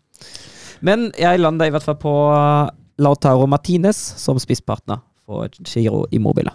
Bare skåringene til Skamakka fortjener å Nevnes. nevnes. Ja. Ja, det er ikke feil. Jeg sto mellom Abraham og, Martinez eh, ved siden av der, og, og endte på Martinez sjøl, så da har du ikke så mye du skulle sagt, Mats. Nei, Det er greit. Du er vel kanskje enig? Nei, jeg prøvde å skulle ha en Dennis Johnsen der, men det er greit. det. Må prøve å få inn én nordmann på ett av årets lag her. Og Haaland ble sløyfa i Bundesliga, så forsvant jo alt. eh. Og Martin Ødegaard fikk ikke noe plass. Nei, Martin Ødegaard ble ikke delt engang! um, årets lag i Serie A blir dermed keeper uh, Mike Manja. Høyre back eh, Dumfries, venstre back Theo Hernandez med Kolobali og Skrinjar som stoppere. Sentral midt Tonali og Milenkovic-Savic. Eh, venstre kant Rafael Leao. Høyre kant Dominico Berardi med spissduoen Immobile og Lautaro Martinez på topp. Veldig, veldig bra. Og da går vi mot uh, den siste sesongens lag vi skal kåre, nemlig League Ø. sur la frappe de Messi de, De de Mercado, oui. Mercado, et, et là aussi on a un petit peu de réussite. Griezmann sur l'appui, c'était bien joué avec Giroud. Oh, Sylvain Oh, Sylvain, il l'a vu Oui. Kylian Mbappé Kylian Mbappé, il l'a vu Ça fait 4 finale pour l'équipe de France. 68e minute. Oh la joie collective parce qu'ils ont tous jailli du banc pour aller saluer cette passe décisive géniale de Giroud et ce doublé pour Kylian Og jeg kan Mbappé. begynne med en liten innrømmelse. At eh, League Ø var kanskje det årets lag jeg sleit mest med, for det var for veldig mange like kandidater i hver Ja. posisjon. Også pluss at PSG har skuffa litt, altså spiller i PSG, da. Så det blei ikke et så dominerende PSG-lag, egentlig. Nei, men Samtidig må man litt, ta, ta litt høyde for at de tross alt vant ligaen med stor margin. Så det, det er en vanskelig balansegang der. De, de har Ja. skuffa våres eh, på en Ja. måte, men samtidig er såpass overlegne, ja. Ja, men eh, jeg, jeg fant plass til noen, i hvert fall. Men ja, jeg er enig med deg, Thomas. Det var, Det- Det det- er et par stykker der vi ikke kommer utenom, det er helt riktig. Hvem er det som begynner? Jeg kan godt begynne. Jeg har uh... Keeperposisjon, der var det mye. Der var det Ja, mye. men eh, jeg har landa på Anthony Lopez i Lyon. Uh, Syns han har fremstått kanskje som den eh, mest uh, hva skal jeg si, solide keeperen eh, i årets sesong. Jeg hadde Lopez med i kandidatkretsen, men jeg har faktisk eh, valgt eh, Daniel Benitez i NIS. Som jeg syns har vært strålende. Meget god sesong. 14 ganger burereint, redda én av fem straffespark, og, og delaktig selvfølgelig i at NIS klarer den siste Europacupplassen der. Um, jeg har tre andre jeg har lyst til å nevne. Ehm, det er Alban Lafont i Nant, som redda tre av sju straffespark, holdt buret reit åtte ganger, og tidene, tidvis sånn sensasjonelt god, egentlig. Husker du kampen mot Paris Saint-Germain? Ja, ja, ja, men han hadde jo noen kamper som var enorme. Og så var det en del kamper som var bare average. Ja, eller som han gjorde et par tabber på. Ja. Han, er, han er jo litt uferdig. Han er vel 23 år gammel, og, men, men strålende. Jeg syns også man må nevne Mats Sels i, eh, i Strasbourg-målet, som leverte meget bra, og ikke minst eh, avslutningen på sesongen for Alexander Nybel var eh, rett og slett strålende. Så Men jeg, jeg falt på Benitez i, i NIS, jeg også, på det jeg så av Niss, så, så, så syns jeg han hadde en strålende sesong. Han hadde godt, godt forsvar foran seg òg. Så, så han tjener litt på det. Altså, Lopez hadde et hadde litt mer vaklevorent forsvar foran seg, det må være lov å si, men um, er Benitez i is Hva var ordet du brukte? vaklevorent? er det ikke det det heter? Jo, det har jeg hørt. Altså, vakle veit jeg hva betyr. Vorent. Vorent er jeg litt usikker på, men vakle høres riktig ut. Ja. Høyre bekk Søren Dømker. Ja, Da sto det mellom to, eh, og det var Traoré og Hakimi. Og jeg falt til slutt på Hakim. Jeg synes, eh, det, Han er en av de spillerne som, eh, som har vært eh, virkelig gode for PSG og fortjener plass. Jeg falt på Hamari Traoré fra renn. Mm. Jeg falt på Jonathan Klaus fra, fra, fra Lens. eller Lans. 16 målpoeng fra wingback-posisjonen sin! Hu- husker du ikke foten fra Armina Jo, Bielefeld? jo, jo, altså? strålende fot. Han fikk han ble belønna med, med å komme seg opp i det franske landslaget for første gang Også. Ja, og nå er han aktuell for Atletico Madrid. Eh, såpass uh, godt gjorde han det. Er ikke Altså, hver gang jeg så Lance, så ble jeg jo voldsomt imponert av hvordan Altså, det er jo League Øs Denzil Dumfries. Han bombarderte den høyre sida! Og, og, og har jo egentlig bedre målpoeng også, eller altså, enn Denzil Dumfries. Jeg, jeg, jeg står hardt for Jonathan Klaus her, altså. Ja, ja, nei, jeg veit hva som skjer når du står hardt på noe og har Maglite i hånda, så jeg, jeg, jeg trekker meg, jeg, da. Insinuerer du mine voldelige tendenser, Mats Granvold? Nei, vi kan godt gå for ham. Åh, det er så deilig at dere åh, det, det, Den likte jeg, Søren, Søren og Mats. Nå, nå, nå skal jeg være medgirlig i andre, andre posisjoner her. Venstrebekk, Ja vel, deg. er det meg? Ja. Det er. Jeg eh, står Altså, det var en vanskelig posisjon. Jo, men her tenker jeg vi kan få inn en nordmann. Birger Meling. Ja, men Han har jo hatt en god sesong, Ja, men ikke i nærheten av årets lag, vel? men vi kan jo vurdere Altså, få inn en nordmann her. Nei. Ikke, ikke bare fordi jeg er nordmann. Jeg har, Jo, ja, ja, bare nei, ja. Nisselø på, nisselø på, hatt på! én nordmann på noen av. Kanskje, kanskje ikke så rart når, når det er et lag som ikke spiller VM i år heller, da. Men, Ja, men det kan vi ikke ta på årets lag. Nei, det er bare kødda. Ja. men det er jo spinnvilt hvis Birger Meling skal være bedre enn f.eks. Cayo Henrik på, på Monaco. Nei, men du hører ikke premissene på hvorfor jeg vil ha At han er norsk, ja. Sier ikke at han kanskje er vel best, det er ikke det. Nå kommer nisselue på til å, til, å, til å ta ut dette her. Og så kommer han til å legge ut, og så kommer han til å si at vi er nisseluer. Nei, men det er ikke vi! Det er ikke oss to, Thomas. Nei, det er oss. Nei, da, Søren Døpker, han, han, eh, han, han Du kan trekke paralleller med 90 minutter på det hver gang. Du gjør noe dritt, så tenker folk 90 minutter. Så det hjelper ikke at jeg sier det. Du dras ned, du òg. Du er en del av det, Søren Dukker. Når Thomas går skyhøyt ut, så drar den med oss alle sammen. Selv om vi sitter her. Selv om vi sitter her og bare nei, nei, nei, så det går utover alle. Fikk dere dritt etter den der uh, Real Madrid-ragen min nå, eller? Nei. Fikk du dritt? Ja, ja jeg fikk, jeg fikk et par som var litt misfornøyde, men uh, vi, vi blei venner til slutt. Det er bra. Ja, Fantastisk, Mats. Uh, Men uh, jeg er ikke med på noe Birger Meling. Jeg, jeg, jeg vurderte Nuno Mendes, som har vært så brukbar i Paris Saint-Germain, men for meg er det Caio Henrich som er uh, den utvalgte. Jeg støtter deg på den. Det er greit, da. Jeg får gi meg på den nå, da. Stoppere da, Mats. Kanskje du får noen inn der. Ja, kanskje det. Nei, der har jeg fått lurt inn en PSG-stopper eh, ved navn Markinios. Marquinhos. Har jo vært eh, Altså, både i Han er jo ikke Champions League i året, da, men også der har han jo vært fantastisk. Og spilt masse kamper også for PSG og vært bunnsolid egentlig i alle kampene. Så, så jeg syns det er vanskelig å komme utenom han. I tillegg så har jeg dratt også med Sven Båtmann. Eh, nok en god sesong i Lill. Eh, så jeg tar også med han. Da syns jeg du glemmer Lig Øs soleklart beste stopper denne sesongen for min del, i Saliba. Ja, Altså For meg så er han Han var bedre enn Markinios. For min del. Altså, jeg er villig til å få inn Saliba, men ikke for Markinios. Nei, ikke for Markinios, okay, okay. men jeg vil ha Saliba og Markinios. Ok, sånn, ja. ja. Men det kan jeg være med på. Jeg kan være med på det. ja. Mm. Jeg, jeg, Toddy Baa gjorde en god jobb i NIS, eh, men jeg, jeg fant ingen andre enn de to, egentlig. Som på en måte Kanskje Girotto i Nant, men Nei. Fint. Fint. Sentral midt, vi fortsetter der, Søren. Så får du, der. den, Nå får, får du den nå, nå, æren. nå var jeg innstilt på høyre kant. Ja, nå får du den æren, Søren Eh, ja, Uh, da var det jo en del å ta av. Uh, Borigå, men han har jeg skyvet på en annen posisjon. Fordi han har spilt en annen posisjon òg, og for å skape litt plass sentralt har Borigo havna på årets lag, men et annet sted. På høyre, eller? Helt riktig. Takk. Um, så er det jo Paillet som har vært god i Marseille. Guendosi har vært god i Marseille. Mm. Uh, Chouameni har vært eh, fantastisk. Fofana har vært god. Kamara har vært god, så har vært mye å ta. Men jeg ender på Guendosi og Chouameni. oh, det er en deilig midtbane.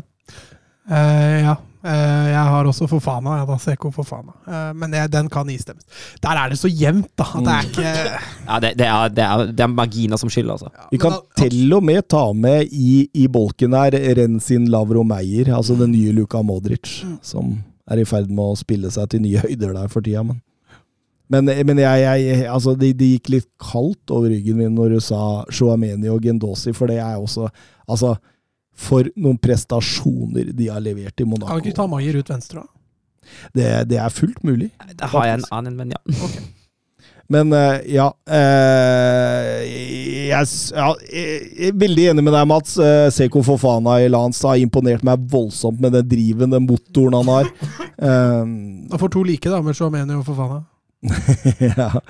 Nei, så det, det, det er veldig, veldig fint. eh, jeg er helt enig med dere der. Ble det, hva ble det nå? Gendosi og Chomini? eller Fofana og Ja, hvis, hvis han har det, så, så er det greit. Ja. Gendosi og Chouamini. Den er fin. Den er fin. Eh, venstre eh, midtbane. Der har jeg to stykker. Jeg har Martin Terrier på, på renn. eh, 21 mål, tre assist. eh, Jeg var jo en del av denne renntrioen som eh, begeistret denne sesongen. Slo aldri helt gjennom i Lyon, men har fått fart på det virkelig nå, og, og, og syns har levert strålende ut der. Amin Gori var et alternativ, men var fantastisk før jul, og så har det feida litt utover. Så jeg, for meg så er det Martin Terje. Ja, for meg òg. Jeg kan jo nevne at man kan skyve ut Paillet på venstre også. Om, det Man skulle, kan. om, om Man man, skulle ønske. Men jeg, synes, jeg er helt enig at skal jeg ha Terje der òg. Hva med deg, unge Granvold? Nei, jeg er helt enig. Jeg vurderte Maier ut der òg, men nei, Mm. det er greit. Strålende. Høyre midtbane, Mats. Ja, nei, der har jeg også eh, Borigod. Mm. Og det er vel nesten ikke noe tvil. om Nei, jeg har egentlig ingen andre. Begynner å bli en stor stjerne i uh, ligaen nå. En sånn poenggarantist. Uh, aldri spilt bedre fotball enn denne sesongen, og er en del av den topptrioen til renn som var uh, tidvis eh, begeistret. Søren Døpker, angrep. Ja, det var, det var jo ikke så vanskelig. Mbappe, eller? Mbappe er selvskreven, uh, og så syns jeg også Benjeda skal inn. da. Uh, kan jeg også nevne Dembélé i Lyon, som har hatt en god sesong. Men jeg syns det er Mbappe og Benjeda. Yedda. Og Terje, jeg vurderte Terje oppe da òg, Ja, det det. for all del, men han havner jo på var, lett, venstre. var lettere å dytte ut venstre. Ja. Ja, eller Delors og, og, og Labord, Labord ja. kunne vært alternativer der, men eh, jeg er helt enig med konklusjonen deres. At, eh, at Mbappe går jo ikke an å, å se bort fra, og, og Ben Yedder, eh, måten han har dratt Monaco opp på nå, har vært strålende. Helt strålende. Og han var også god under Kovac, Mm. så det, det sier jo litt, egentlig. Stakkar Dupker. oh, gleder meg. Oh. Da blir det faktisk eh, et League Ø-lag uten Lionel Messi, Mats. Ja, nei, det er vel samme laget jeg har, så det er greit, det. Men uh, Ja, jeg nominerte den ikke engang. Nei, det er ganske sjukt. Jeg nominerte den faktisk. Altså, jeg hadde skrevet navnet hans ned på høyre. Ja, det, er, det gjorde jeg òg. Ja. Men det er jo en stjerne ned i solnedgangen, dette. Ja, det er det. Selv om han lova et intervju nå at eh, neste sesong så ble det bedre. Ja, han hadde ikke helt klart å finne seg til rette, sånn. Så da blir årets lag i ligaen Walter Benitez i mål. Det er Jonathan Claus og Cayo Henrique på hver sin bekk. Det er Saliba, og Saliba skal tilbake til Arsenal nå, vet du. Og, og Arteta sier at eh, kom hit, det er plass til deg. Vi vil satse på deg. Så det kan, det kan bli spennende. Plass på benken. Eh, med, med seg Arne Marquinhos, eh, Chouameni og Gendosi sentralt. Terrier og Borgard på eh, hver sin kant, med Mbappe og Ben Yedder på topp. Deilig! Ja, fint lagt, det. Mm.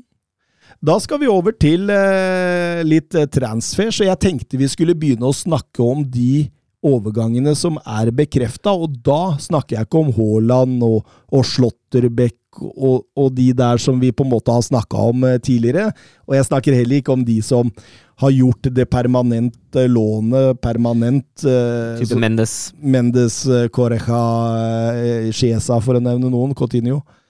Eh, men, men de helt nyeste eh, transfera. Og, og da kan vi begynne med et spørsmål fra Jonathan Hobber. Skal Aston Villa gå for topp fire nå, eller? for der har det kommet et par bekreftelser. Ja, tidligere snakka vi jo om Bobakar Kamara, som uh, trapper inn portene der nå, og nå nylig så henta de også Diego Carlos. Eh, det også nevnte vi vel i forrige pod, at det var mer interessant å spille midt på tabellen i Premier League enn Champions League med Sevilla, så Aston Villa har starta overgangs, eh, på overgangsmarkedet på forbilledlig vis. De har fått to klassespillere. Mm. Det virker som eh, NSWE, som de heter, og Recon, de to selskapene som eier eh, Villa, det virker som de går virkelig all in nå. Skal, eh, skal backe Steven Gerrard og bygge et konkurransedyktig lag. I tillegg, som vi var inne på, så er jo Continuo kommet permanent. og og, og det skal jo sies at denne eieren, eh, Sa Saviris, er ikke det han heter, han eh, egypteren, han har jo penger så det synger etter, og, og skal visst også være veldig motivert på å bruke penger på Aston Villa nå, så det eh, åpenbart ikke siste kjøp inn. Nei, men uh, jeg ser Altså, jeg antar jo at jeg har spurt med et glimt i øyet, da. Men uh, jeg ser jo ikke helt at Aston Villa er en seriøst utfordrer for topp fire. Men det sjiktet som vi har snakket litt om, da, det sjiktet sånn bak de store seks, og hvis en av de store seks skulle ha en dårlig sesong, det kan jo fort skje, uh, at, at Aston Villa kan være deg og utfordre deg, det kan jeg se for meg med den overgangspolitikken, hvis den videreføres litt. Men hvor god kan Diego Carlos bli i Premier League? Han har jo åpenbart fysikken og mentaliteten. Så det er litt litt om spillestil. Gerard er jo, er jo litt sånn Jeg skal ikke si possession-orientert, men, men du må ha litt ferdigheter for å spille der. og Det skal bli spennende å se om Carlos ikke går på noen blemmer der òg, for han har jo noen ordentlige valg i Sevilla som du kan stusse litt over, som han må få luka vekk. Og han skal åpenbart få Altså, han skrur jo eh, tempoknappen opp et par hakk her. Og, og det vil jo bli Altså, det, det er forskjell på å spille stopper for Sevilla kontra Aston Villa.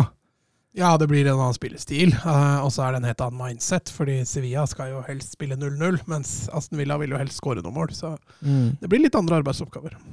Spennende er det i hvert fall å følge dette Villa-laget og hva de gjør videre i sommer. Eh, Begynner jo å få på plass et ganske habilt lag. Ja, Så spørsmålet er om, om de selger noe, men det de er jo i posisjon til at de ikke må selge, så Mm. Mm.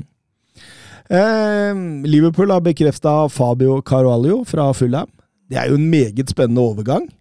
Eh, Unggutt. Det blir litt sånn jeg tenker, Det er litt sånn Harvey Elliot eh, sånn bare han er litt eldre. Ja, ja, men det, så, så når han kom til Liverpool, at du skjønner at det her vil det ta litt tid før han liksom Men, men, men eh, råmaterialet er jo enormt, er det ikke det? Han, eh, han kan bli bra. Eh, Tottenham bekrefta i dag Ivan Perisic eh, fra Inter. Hva tenker vi? Nei, du tenker jo at det er jo en spiller som Conte kjenner veldig godt til. Eh, samtidig er det jo en spiller som både kan fungere som wingback og i en av de tre Eller på venstre kant, da. Så man har egentlig slått to flyer med én smekk her, eh, og har egentlig funnet seg en eh, veldig ålreit løsning for begge plasser. Jeg tror det blir flopp. Du tror det? Altså, definere flopp, da, men jeg tror ikke han uh, kommer til å bli uh, Det er sterke ord fra en som sier at du kunne bli god på en wingbacken for Ja, det er jeg enig i. Jeg ser jo det i det jeg sier, at det kan slå tilbake, dette her. Men uh, jeg, altså, jeg syns han er litt temposvak. Han har, Syns du det? ja, altså, han begynner å dra litt på det.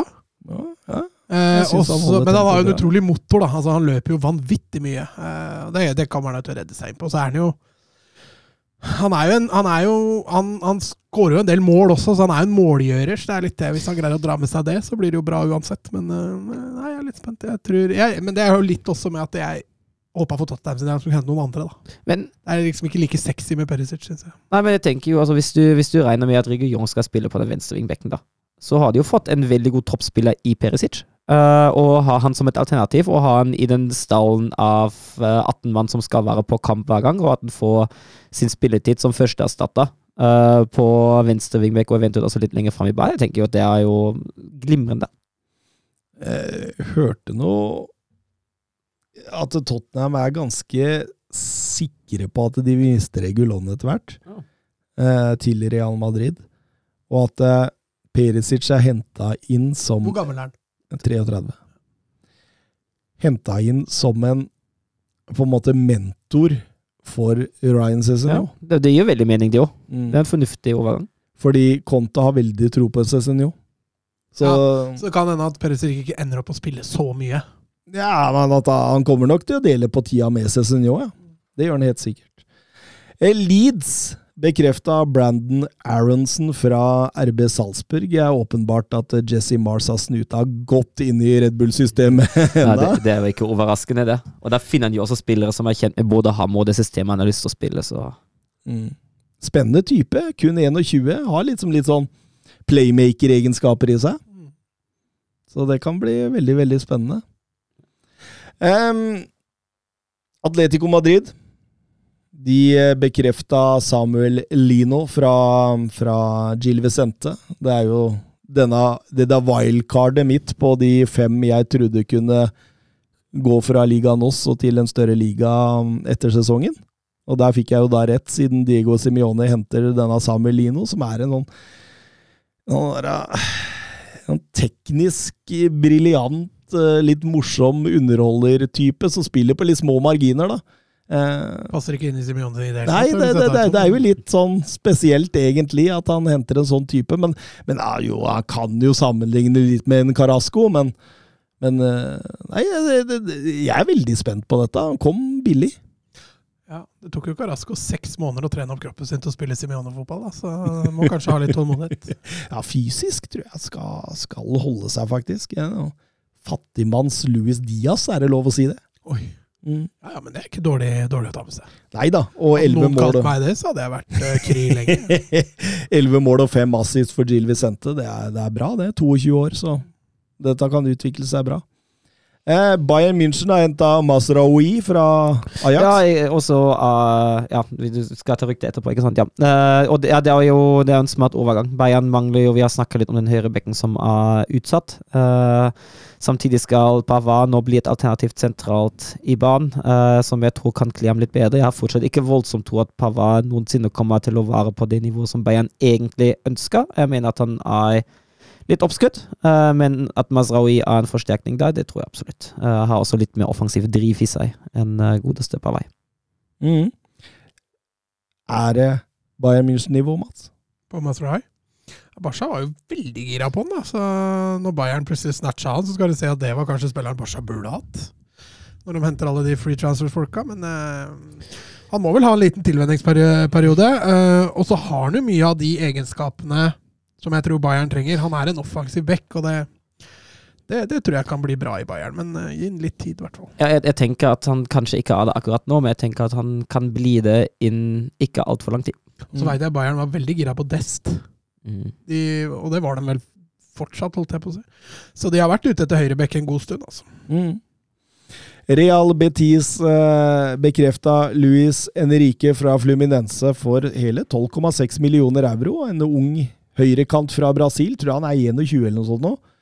Eh, det var AC Milan aktuell, eh, og Fluminense var ikke fornøyd med å miste han, for dette er talent, skjønner du. Teknisk, temposterk, sånn entertainer, men fortsatt også ganske fysisk. Han er liksom ikke noe eh, Venitius eller Rodrigo-brasilianer. Han er litt mer en Bappe-brasilianer, hvis du skjønner. Du Dro inn en franskmann der, ja. Ja, men, men eh, jeg tenkte nå isolerte jeg fysikken i det, da. Eh, tror det altså I og med også de ryktene som vi kommer etter hvert tilbake til på hva som kommer inn i Real Betis nå, så ser dette fryktelig spennende ut, Mats! Ja da, og det, jeg syns det er kjempegøy. Jeg unner liksom, altså Betis har alltid vært litt hjertet mitt nært, så det jeg syns det er veldig gøy. Litt kjipt med tanke på Diego Lines, som ser aldri ut til å få det gjennombruddet sitt. og Nå henter de inn konkurrenter for han, så da kan det vel en annen også forsvinner. Mm, mm. Eh, Dortmund bekrefta vel Jaden Braff, Søren, fra ja, stemmer. City? Enda et City-talent. Det, Eh, det har jo Dortmund gode erfaringer med, og det kan jo bli voldsomt spennende. Og Dortmund fortsetter bare den samme innkjøpspolitikken som de har hatt. Altså det, etablerte spillere uh, blir gjerne erstatta av uh, litt sånn halvveis etablerte spillere, i hvert fall. Um, men uh, at, man hent, man, at man henter inn unge, lovende, store talenter, og særlig fra Premier League, det, det er ikke det første, og det blir ikke det siste heller. Først Sancho. Full klaff. 100% Selger han dyrt. Bino Gittens. Bino Gittens nå, fra City han også. Mm. Ser ut som en million dollar når han eh, kom inn eh, mot slutten av denne sesongen. Og nå altså Jaden Braff, som er en nederlandsk Ja. spiller, men likevel kommer fra City-akademiet. Kan også nevne Bellingham, han kom ikke fra City, men jeg føler at han passer inn i den gruppa der òg. Han gjør det. Kom fra Birmingham, godeste Jade eh, Jude. Jude. J- J. Jude. J. Jude. Frankfurt har bekrefta Randal Kolomoni fra, fra Nant. Og det, helt gratis. Eh, småpene tolv eh, mål og fem assist i league Ø. Og det jeg har sett av han, så er dette som Altså som fot i hose på Frankfurt-fotballen. altså, det er hurtighet, det er gjennombruddskraft, det er kontringsstyrke. Altså, det, det, det ja, må det, jo det, passer jo, det passer jo som bare det på den fotballen Glasen har lyst til å spille, og det, det Frankfurt-laget har prestert. Kan vi også nevne at uh, Jens Petter Hauge han har nå signert fast for Eintracht Frankfurt. Det er helt riktig. Og så, Søren Døfker, Wolfsburg har også bekrefta to spillere. Ja. Mhm. Patrick Wimmer fra Armina Bielefeld kommer for fem millioner euro. En, eh, kanskje den Armina Bielefeld-spilleren jeg la mest merke Ja. til. Eh, og eh, Jakob Kaminski fra Lech Poznan. Skal sies at begge to har vært uh, klare en liten stund allerede. Kaminski vel nesten et halvt år nå allerede. Ja, ja. Um, men begge to er kantspillere, uh, og da trengs det jo litt. Uh, Luke Bakio går jo tilbake til uh, Herta. Uh, hva som skjer i Max Krose, er det ingen som veit noe nøyaktig. Med en ny trener som ikke lenger tillater at han uh, nødvendigvis uh, slekker han på trening og spiser akkurat det han har lyst på. Eh, og så er man jo det, det, altså, Hvis Kovac vil spille en firebekslinje, er det ikke så voldsomt mange naturlige kanter som jeg ser i den troppen. Brekkalo er tilbake, men han vil fortsatt vekk. Eh, Bako altså Jeg tenker jo at det er fornuftige forsterkninger, og så de, passer de godt inn i den innkjøpspolitikken Wolfsburg har hatt. Og da har man kjøpt ganske ungt og lovende også. Man har utvikla seg litt i den retninga der. Uh, skal jo sies at Vimma han har vært uh, veldig god for mine Bielefeld, jeg er helt enig. Og med tanke på at de rykka ned, ble han også to millioner euro billigere. Kosta bare fem istedenfor sju, så det var jo greit. Altså, og Kaminski er jeg veldig spent på. Jeg har ikke sett så voldsomt mye til ham. Uh, Enorme tall i ja, det er akkurat det. Uh, han har enorme tall, og jeg tror dette her kan bli veldig bra. Spørs hvor uh, kjapt han tar nivået. Det er kanskje litt lettere med Vimma, som allerede har spilt et år Bundesliga. Men uh, begge to ser ut til å være kjempelovende, og jeg gleder meg veldig til å se dem i aksjon. nå. litt fornøyd med at Wolfsburg fortsetter med den uh, samme innkjøpspolitikken. Og Ja, det, for den det, det der har det snudd veldig. Altså Nå har det blitt altså Jeg husker vi satt og hylla Wolfsburg-vinduet i sist sesong òg, selv om sesongen ikke ble så bra, så var det jo mye spennende. mm, Eh, Man gikk i den retningen at man eh, nesten var litt eh, Borussia Dortmund, da. Ja, men man henter inn ungt og lovende nå, med tanke på at Wolfsburg får mindre penger fra Volkswagen nå. av de store stjernenes tid er litt over. Man henter ikke lenger en Julian Daxman, man henter ikke lenger en André Schürle. Begge to var riktignok under par i, i Wolfsburg. Man henter heller unge og lovende spillere. spillere. eh, og spillere som ser på klubben som et steg i karrieren, som et videre steg, ikke mette Mm. spillere som går på en måte et steg ned til Wolfsburg. Og jeg mener, tenker jo at det er jo helt riktig. Og at det trengs kreativitet og spilleglede på kant, det mener jeg også. Og da tenker jeg at man har forhåpentligvis gjort eh, gode og spennende kjøp. Niselue på. Eh, var Wolfsburg litt for raske med å ansette Niko Kovac når man i ettertid vet at Marco Rose er ledig på markedet? Ja, 100% Hvor lett er det å ta høyde for det, da? Nei, men Altså Når du sparker treneren din, du begynner vel den prosessen med en gang? Du venter vel ikke og ser om Nei. det blir noe ledig? Men det, det, det, det gjør ikke den Kovac-ansettelsen riktigere. Vi har jo vært innom det siste år i denne episoden, at jeg tenker at dette er høyst middelmådig. Og Rose hadde jo i hvert fall vært spennende. Jeg sier ikke at Rose er en trener som har gjort alt prikkfritt uh, i Bundesliga så langt, men Rose er en fryktelig spennende trener. Og med full klaff uh, kan det gå høyt opp for et Rose-lag. Mm. Mm. Jeg, Jeg, jeg, jeg skjønner veldig godt at du heller vil ha Rose enn en Kovac, Ja. men eh, Wolfsburg måtte jo henvende seg Ja, til ja, som var- selvfølgelig. Til de som var ledige. Ja, og det, var jo, det, var, det kom jo lite tegn på at uh, Rose skulle få fiken. Det, var jo, det kom jo overraskende på, på egentlig alle. Jeg vil til slutt i bekrefta bolken her nevne Napoli, som har henta Mathias Oliveira fra Getafe. Eh, Spennende, tøff, aggressiv, hardtspillende back-type, som er vel uruguayansk, er det ikke? Stemmer. Fikk bra med cash for nå. så. Ja da, 11 millioner euro, faktisk, så det er ikke så dårlig. Og så har de henta også eh, Nå skal vi prøve her. Vicha Kvaratskhelia fra Dynamo Batumi. Altså, han koster 10 millioner euro. Han var opprinnelig Rubin Kazan, men pga. krigen Russland-Ukraina så måtte han tilbake til Georgia. Spilte litt fotball der, hadde enorme stats. Um, og nå altså gått til Napoli, 21 år, venstrekant. eh, Åpenbart en Insigne-erstatter, og blir også kalt for Georgias Messi, og det er ikke uten grunn, Mats. Dette her kan bli faktisk ganske morsomt å følge med neste sesong. Og vi veit jo det at alle de som kalles for den og dens Messi, det blir klasse. Alle de slår gjennom. Å, vi har hatt mange. Mexicos Messi. Du ser Linus nå i Betis. Det går strålende. ja, det er Sør-Koreas Messi Nei, hva var det? Japans Messi. Ja. Han spiller ikke taffel og sånn. det det, det, det, går ikke bra, sier det dere sier. ikke han spiller i Mallorca. Jeg visste det. Ja, men, men, men en eh, spennende type. Spennende type. Eh, rykter. Vi må ta litt rykter Ja, òg. kjør. Mm. Eh, vi begynner, kan begynne med Premier League, da. og Vi har en del spørsmål der også, som vi må gjennom. Eh, hvordan tror du Mark Cucurella kommer til å passe i Manchester City? Det er snakk om at eh, de ønsker han, men han må helt opp i 45 millioner euro for å få han. Ja, en Klassespiller. jeg er Født og oppvokst med Barca-DNA, så det skulle jo passe bra i Pep Guardiola. det. Han har jo tatt Premier League med storm, så at han kan gjøre det bra i City, det er det vel ikke så mye tvil om. Mm. Mm. Steffen Hansen spør på Twitter hvor spiller Dembélé sesongen 22-23? Virker lite tvilsomt med både Barca og PSG, så det skal bli spennende. Uh, det er vel ikke helt utelukka med Barca, men jeg skjønte de hadde utelukka PSG, i hvert fall. Mm. Mm. Det er mulig Mbappé har satt ned foten der. Det, det, det ryktes, skjønner du, at Liverpool er i ferd med å snekre sammen en avtale over fire år. Vil den passe i Liverpool? Altså, Med tanke på det offensive, ja. Men jeg er litt usikker hvor disiplinert han egentlig er i presset. Det er litt sånn det ankepunktet jeg har mot den, at den kan framstå litt som giddeløs og uinspirert, eller upassende i uh, spillet mot ballen. Og hvis han får orden på det, hvis Klopp får orden på det da med ham, passer han utmerket. Uh, men det kan være et ank ankepunkt, det. Klopp dro vel sesongen før Dembélé kom til Borussia Dortmund, gjorde han ikke det? Jeg tror det, ja. Mm. Så det var ikke noe tidligere. Ja, han, han, har jo blitt mye bedre, da, men jeg, det går jo fortsatt veldig mye rykter om Dembélé og livsstilen hans. Eh, og med tanke på skadehistorikken og sånn, så er det en risiko å hente han til Premier League. Altså. Mm. En annen Barcelona-spiller som blir nevnt i forbindelse med Liverpool, skal være Gavi. Eh, de er villige til å betale den utkjøpsklausulen. Hæ?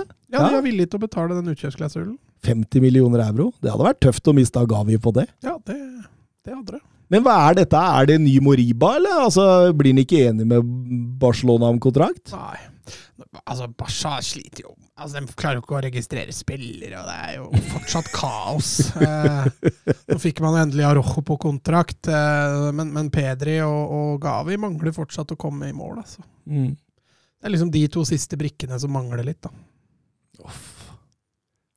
Ja, det, det, det, var et fryktelig kjedelig for Barca. Det gikk jo bra med Boriba da, etter at han dro fra Barca. ja, det, han er et godt eksempel. Ja, ha, Nå sies det altså at uh, Leipzig ikke helt vet hva de skal gjøre med ham. Så eh, Tor Christian Stensrud på Twitter med Perisic inn nå, og hvis de får en Bastoni i midtforsvaret pluss Eriksen, kan de kjempe om gull neste sesong. Med tanke på at Konta alltid tar gull i andre sesongen i hver klubb, så må de i hvert fall være en klar outsider det er kanskje den fremste outsideren hvis det fortsetter sånn, uh, men jeg syns fortsatt at avstanden opp til eh, City og Liverpool altså det er et stykke. Uh, kanskje ikke nødvendigvis i enkeltkamper, for de Conte gjør seg jo godt mot begge de lag, men når det kommer til prestasjon over en sesong, så er det et lite stykke opp, altså. Jeg syns det. Jeg syns Tottenham kan fort være rett bak, uh, men jeg ser ikke helt Altså, ja, outsider, ja, men egentlig ikke noe mer, etter min mening. Ikke som det ser ut nå. Jeg er helt enig med deg, Dupker. Eh, når Conte vant disse ligagulla med Juventus, med Inter, med Chelsea, så var det ikke noe så klare enere i, i ligaen som det Liverpool og Manchester City er i dag. Det gapet der, det er så voldsomt at eh, ja, hvis, altså Conte har vel sagt sjøl at han behøver seks nye spillere. Så hvis han får seks nye spillere da, i den posisjonen han ønsker, så er det en klar outsider, men ikke noe gullfavoritt. Ja, og Bastoni er jo i en posisjon hvor de, altså Ben Davies har gjort det overraskende bra, men der kan det helt klart forsterkes. Eriksen, hvor skal man putte inn han da? Vi diskuterte jo dette litt òg, når han drev med dette i Inter. Mm. Han fikk jo litt orden på det etter hvert, men det begynte jo ikke bra der, altså, med Eriksen. Nei, gjorde ikke det. Men det kan være tilvenning til ny liga og masse forskjellig, da. Jo, men han måtte jo justere litt for å finne Eriksen sin beste rolle der. Ja, han kjørte vel, uh, han kjørte vel til slutt en uh, Fire, Nei, 3-4-1-2-typ. Ja, prøvde å få han inn der, ja. Med Brosevic bak og Barella. Det er helt riktig. Um, veldig spennende. Levi har åpna lommeboka, i hvert fall. Uh, det er åpenbart at de skal satse konto. Har de kjøpt noe? Nei, men han, han har sagt til altså 1,8 milliarder kroner. De ryktene hører jeg hvert år, altså. Ja, ikke, ikke for Levi. Jo. Nei da. Hørte med Mourinho, han ble lova det ene og det andre. Det gjorde han ikke, Mats. Eh, Petter Støvland, hvor god er Bastoni? God. Han er, eh, han er, en klasse, spesielt som venstre stopper, egentlig. Eh, når han får, får, litt mer friere tøyler offensivt og kan, kan drive litt framover, så, så, er han, eh, så er han strålende. Eh, det ville vært en klassesignering for Tottenham. Tenk eh, Bastoni, Romero og Dyer bak der. Eh, Søren ja, en stoppelinje jeg ikke har lyst til å møte. Er sikkert flere Premier League-spillere som ikke har lyst til å møte. Det, det, det er bunnsolid og klasse, altså. Mm. Conte er også ute etter en høyre wingback.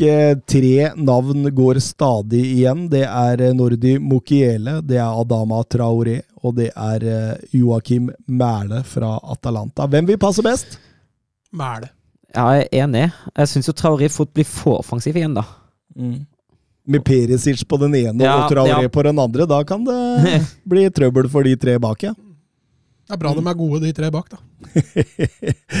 og så skal det visst jobbe mot eh, Pablo Dybala fortsatt. Hva tenker vi? eh? Det er litt sånn samme med Eriksen, egentlig. Det er litt sånn bob-bob, hvor du skal finne plass til han. Men eh, det er jo også en klassespiller. Da. Ja, Vi har jo snakket litt om at det som Tottenham kanskje mangler, er jo det å bryte ned uh, dyptliggende forsvar. Mm. Uh, og Dybala er jo absolutt en spiller som kan uh, tilføre akkurat den kvaliteten i Tottenham-laget. Mm. Hvis man finner plass til ham, da. Helt riktig. Chelsea de har gjennomført eierskiftet nå, og sanksjonene ventes å oppheves i, i nærmeste tid. Thomas Tuchel skal ha fått hele 2,2 eh, å handle for. Eh, I så fall strålende nyheter for Chelsea-fansen over hele linja. Det blir snakka Hols Condé, det blir snakka Lautaro Martinez og Christoffer Nkunko. Så eh, det er ikke noe små, smågutter her. Nei, og de bør vel prioritere typer Kondé og forsvarsspillere ellers, egentlig. Mm. De, de, de, de bør det, men eh, samtidig så kan det jo se ut som Lukaku blir sendt på dør igjen. Ja, Eh, nå leste jeg I dag leste jeg et rykte som knytta ham til Bayern München. Ja. Så, Oi! Oi! Uh, jeg, vet, jeg vet ikke hvor mye holdt jeg i det. Det er ikke en kilde jeg kjenner til, så det kan hende at det ikke er noe hold i det. Uh, jeg veit ikke, men jeg leser iallfall et rykte som uh, knytter ham til det, så da må man jo ha en ny spiss inn nå. Ja, for akkurat nå så har de jo både dobbel og trippel dekning offensivt Mm. uh, på enkelte plasser, så Mm. det er jo ikke der det brenner mest på dass, da, for å si sånn. Det sånn. Skoen trykker ikke der, da. Nei. De må få inn noen stoppere. Men det er klart, begynner de å selge unna, da, Lukaku og Werner og Ziyech og det ene og det andre, så må de jo også se på forsterkninger offensivt. Jeg, jeg så en liste på spillere som kunne forsvinne fra Chelsea denne sommeren. Den lista var lang. Mm. Så det er åpenbart her at det her veit man ikke helt hva som vil skje framover, og man vil kanskje handle litt etter, etter hvor man behøver. Men jeg, jeg tipper jo at den lista kanskje er litt prega av den uklare eiersituasjonen som har vært også, da. At den blir mer satt. når- Ja, Mm. det tror jeg Altså, det tipper jeg det. For ellers, altså ja, Ellers var Torkel begynt å få venner i toppen igjen. da. Det kan også tenkes, hvem veit. Vebjørn Fredheim, hvilken sekser er bedre i verden enn Declan Rice? Uh, Kimmich, Ja, syns jeg. Uh, jeg syns også at Rodri er knapt over Declan Rice for tida. Eh, hvis man ser sesongen under ett, syns jeg Rice har vært bedre enn Fabinho. Eh, de, vanskelig den. Altså, og Cas Casemiro. Casemiro. Ja. Mm. Ja, Du har jo også et par veldig gode kandidater i Frankrike, da. Ja. Mm. Uh, men uh, ja, han Altså, han er, han er litt sånn eh, moderne sekser, da, med tanke på at han også dekker så mye rom. Han er liksom bare en, en, en, en litt annen versjon av Kanté, da. Eh, men ja, klassespiller. Ja, han er- han er jo en glimrende sekser i hvor du ikke har en treer midtbane, da, men en, en klar dyp, men to sittende. Da. To ja, sittende. en ordentlig moderne spiller. Ja, ja. En- Herlig. Prislappen Westham har satt på, den er 1,5 milliarder. Det er voldsomt, det. Jeg skjønner, jeg skjønner det. De Har to år igjen av kontrakten? Ett? to, ja. To, ja. Fordi da, da, de, de er ikke nødt til å selge den nå. De kan selge den fint neste sommer og fortsatt få en klekkelig sum for ham. Altså. Det er helt sikkert. Eh, Han er vel i Chelseas søk søkelys, han òg, så de, de skal kjøpe kanoner i år, åpenbart. Eh, Manchester United, vi må litt opp, og vi har fått mange spørsmål angående det, så det um, OJ Haaland på Twitter. Vanskelig for Ten Hag å komme inn i denne perioden for rebygging av laget når han ikke kan tilby Champions League. Ja, det er jo ikke helt optimalt, eh, særlig med tanke på at kroppen, troppen er jo en eh, stor byggeplass. Eh, samtidig kan det jo også gi den muligheten til å bygge litt fra scratch, og heller satse på litt yngre spillere, og tilby dem spilletid, og heller angripe nedenfra. Det kan altså, det, Ja, jeg vil jo ikke si at det er en fordel, det vil jo også si at det er en ulempe, men man kan likevel kanskje gjøre noe ut av det. Og så er det fortsatt Manchester United. Mm, det, er- og det er en klubb med ekstrem trekkraft. Så det er klart, du, du får nok ikke lurt de spillere som typ Haaland og sånn, som er veldig opptatt av Champions League og sånn. Det, det klarer du nok ikke, men det er mange gode på neste hylle også, altså. Ja, for de, de, sliter jo med å overbevise Frenkie de Jong om å komme nå. Uh, han sier jo klart ifra, egentlig, at jeg har lyst på Champions League. Senest i går så sa Jurien Timber fra Ajax at jeg kan fint utvikle meg videre her i Ajax. Så det er åpenbart at eh, de kanskje sliter litt nå med den krafta om å komme dit, fordi det, det er ikke et klart prosjekt enda. Eh, fordi altså når en spiller kommer til en ny klubb, så har det liksom på en måte eh, rolle i laget, prosjekt og lønn. Det går først. Mm. Og så kommer det dette med Champions League og diverse sånne ting. Så som, som dere er inne på, i form av navnet Manchester United, så vil jo dem kunne handle i, på en høyere eh, hylle uten Champions League enn Arsenal. Eh, vil jeg anta, for, for å ta et eksempel. Men samtidig så, så, så er dette med, med Champions League og det med en klar, eh, klart prosjekt, da. Eh, hører Ten Hag sliter med å, med å overbevise Frenkie de Jong. Og det, og det kan være et problem for Manchester United. Det, det tror jeg er helt klart. Em, Alex Bjørkan. Nå som man vet at Ten Hag blir trener og topp fire uteble. Var nesten litt det samme, det. Står dere fortsatt på at Manchester United bør hente Declan Rice for 100 millioner pluss, med tanke på at det er veldig mange andre posisjoner som må dekkes og forsterkes? Burde man forvalte budsjettet da litt annerledes? Jeg tenker det kommer veldig an på markedet generelt. Skulle vi ikke ha 150, sa altså? du? Ja, Jo, det- er det, det er det. Westham vil Ja. ha, da. Og det er jo voldsomt mye. Uh, så tenker jeg jo Altså, det kommer an på det budsjettet de har sjøl, og det kommer veldig an på hva markedet gir. Hvis United klarer å finne en spiller som er i nærheten av nivået, men kanskje bare koster halvparten, bør man jo heller gå for det. Men, men, men, men hva er det de behøver, da? Eh, En høyrebekk, eh, en stopper, kanskje to stabiliserende, en høyrekant og en nier? Er jeg feil? Nei, det er jo det vi konkluderte med i denne da det og jeg vil jo mest. påstå at sentral midtbane er en av de mest prekære. Ja. Kanskje Ja. sammen med høyrebekken. Men hadde det istedenfor å da Altså, jeg, det går rykter om at Ten Hag fått 120 millioner pluss de han selger. Altså, den potten der kan stige. Altså, du har jo Martial, du har Aron Van Bissaka, spillere som har fått beskjed om at eh, dere er tilgjengelig. Eh, så den kan jo øke voldsomt, men Men altså eh, Kunne det vært lurere å f.eks. hente en Alvarez fra Ajax og en Guido Rodriguez fra, fra Betis, hvis du skjønner hva jeg mener, og så betale halvparten? Jo, jo. Men da henter du kanskje hakket hvassere enn Scott McTominay, de du allerede har, da. Jeg mener jo du må jo opp et hakk hvis du skal Hvis du skal ha de beste, så må du jo Ja, Jeg, jeg, tenker, altså, jeg tenker jo, jeg tenker jo altså, Hvis du ikke skal ha Rice, må du i hvert fall på, opp på Trump-nivå. Mm. Det er det jeg tenker. Og han ser jo gone ut akkurat Ja, det er akkurat det. Men jeg tenker jo at du må jo ha en spiller på det nivået. Hvis Ja, eller Frenkie de Jong. Ja. Men hvis du, hvis du vil eh, Og United, For United er det jo helt uaktuelt å ikke kjempe om topp fire. Men uh, som du har vært inne på, Mats, den, den posisjonen der er såpass prekær. Jeg mener at den og høyrebekken er kanskje den akkurat, absolutt største byggeplassen United har.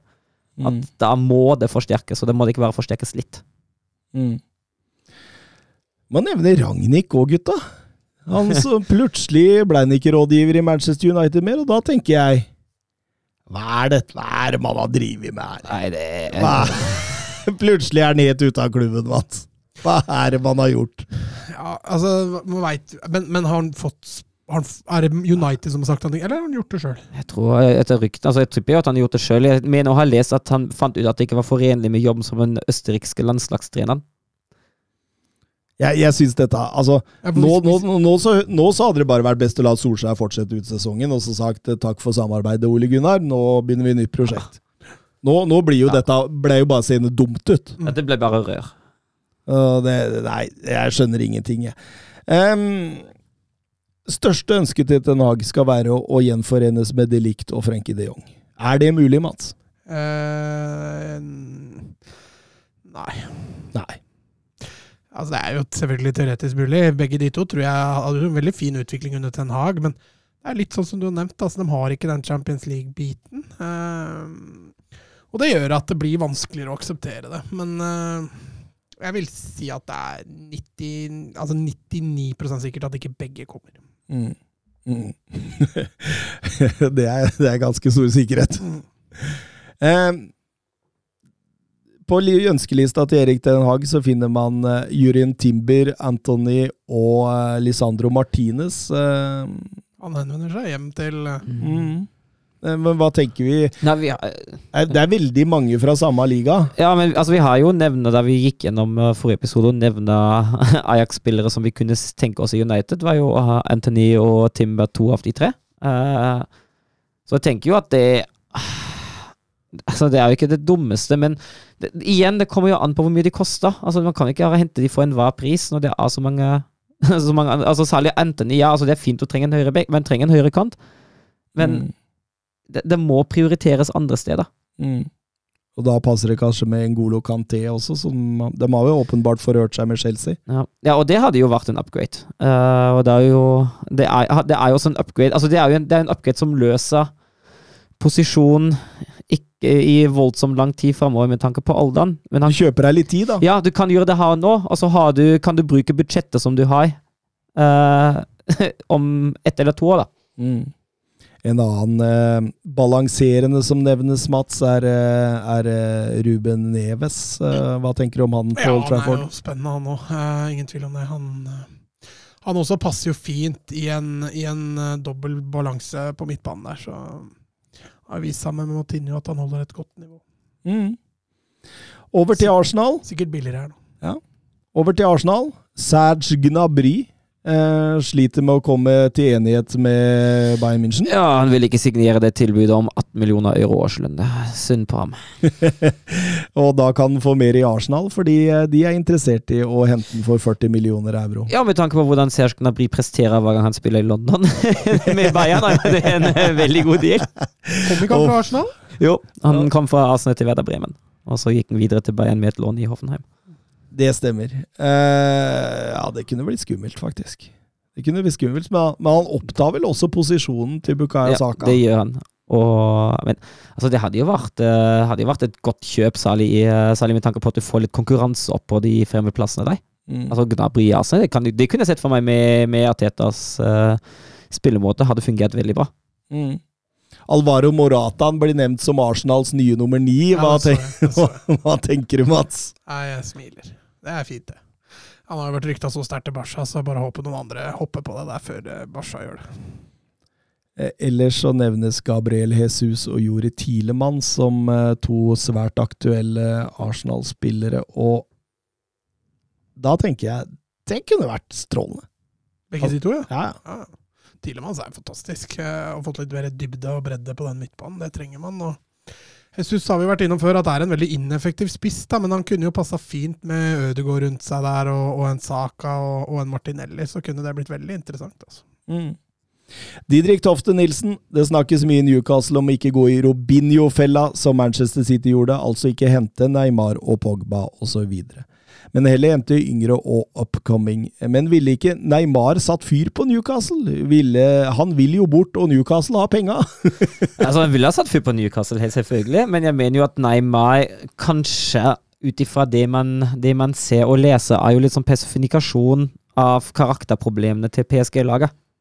Uh, og da spørs om man uh, bør hente en sånn spiller til en klubb i oppbygging, enda en eh, stjerne som uh, nærmer seg slutten av karrieren, som syns kanskje at livet uten fotballbanen begynner å bli eh, gøyere og viktigere, og, og Solgt drakter, da. solgt drakter. Og han, han, hadde jo, altså, han hadde jo hevet den fotballmessige kvaliteten i troppen, uten tvil. Uh, men jeg er jo enig i at det er best å angripe det prosjektet deg, min unge og sultne spillere, istedenfor å hente en som, eh, som nærmer seg avtanka, som vi har, vi har nevnt dem i Wolfsburg, og som anser Newcastle selvfølgelig som et stekne.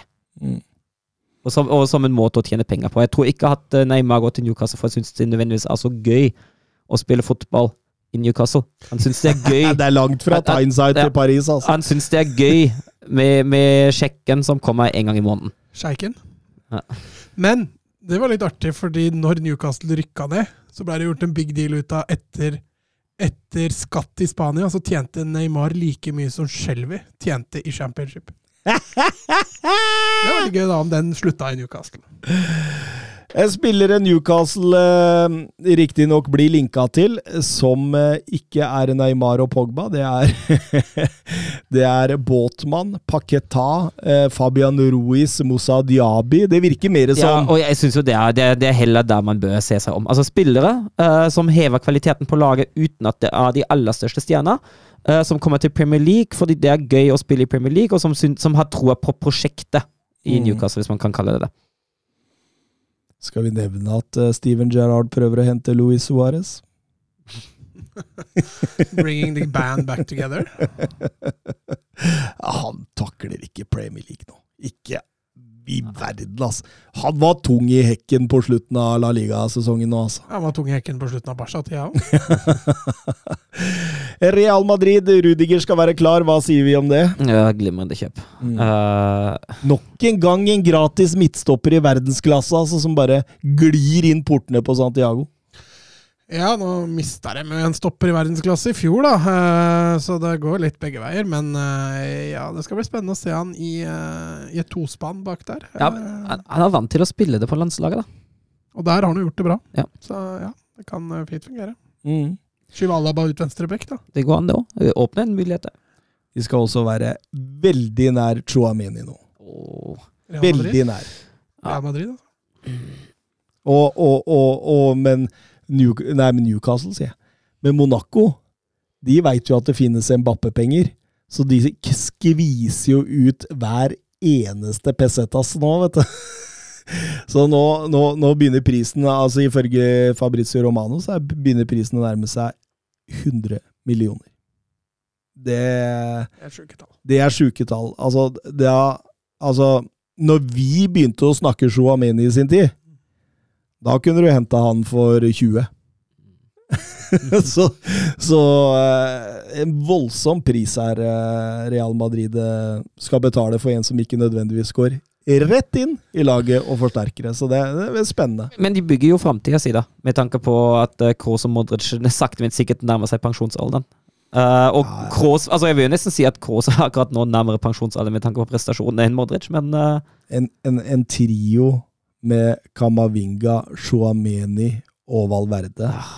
det, det høres ikke feil ut, i heller, altså. med Venitius på den ene kanten. Nei, takk for maten. Det høres bra ut. Det er helt nydelig. Ja, vi får se hvem de får inn som erstatter Benzema. da. Nytter ikke å gjøre det med Jovic. Det gjør ikke det. Eh, Barcelona jobber for Robert Lewandowski. Marcos Alonso. Ja, Christensen og Kessie. Kolobali, til og med. Her, eh, her går det unna.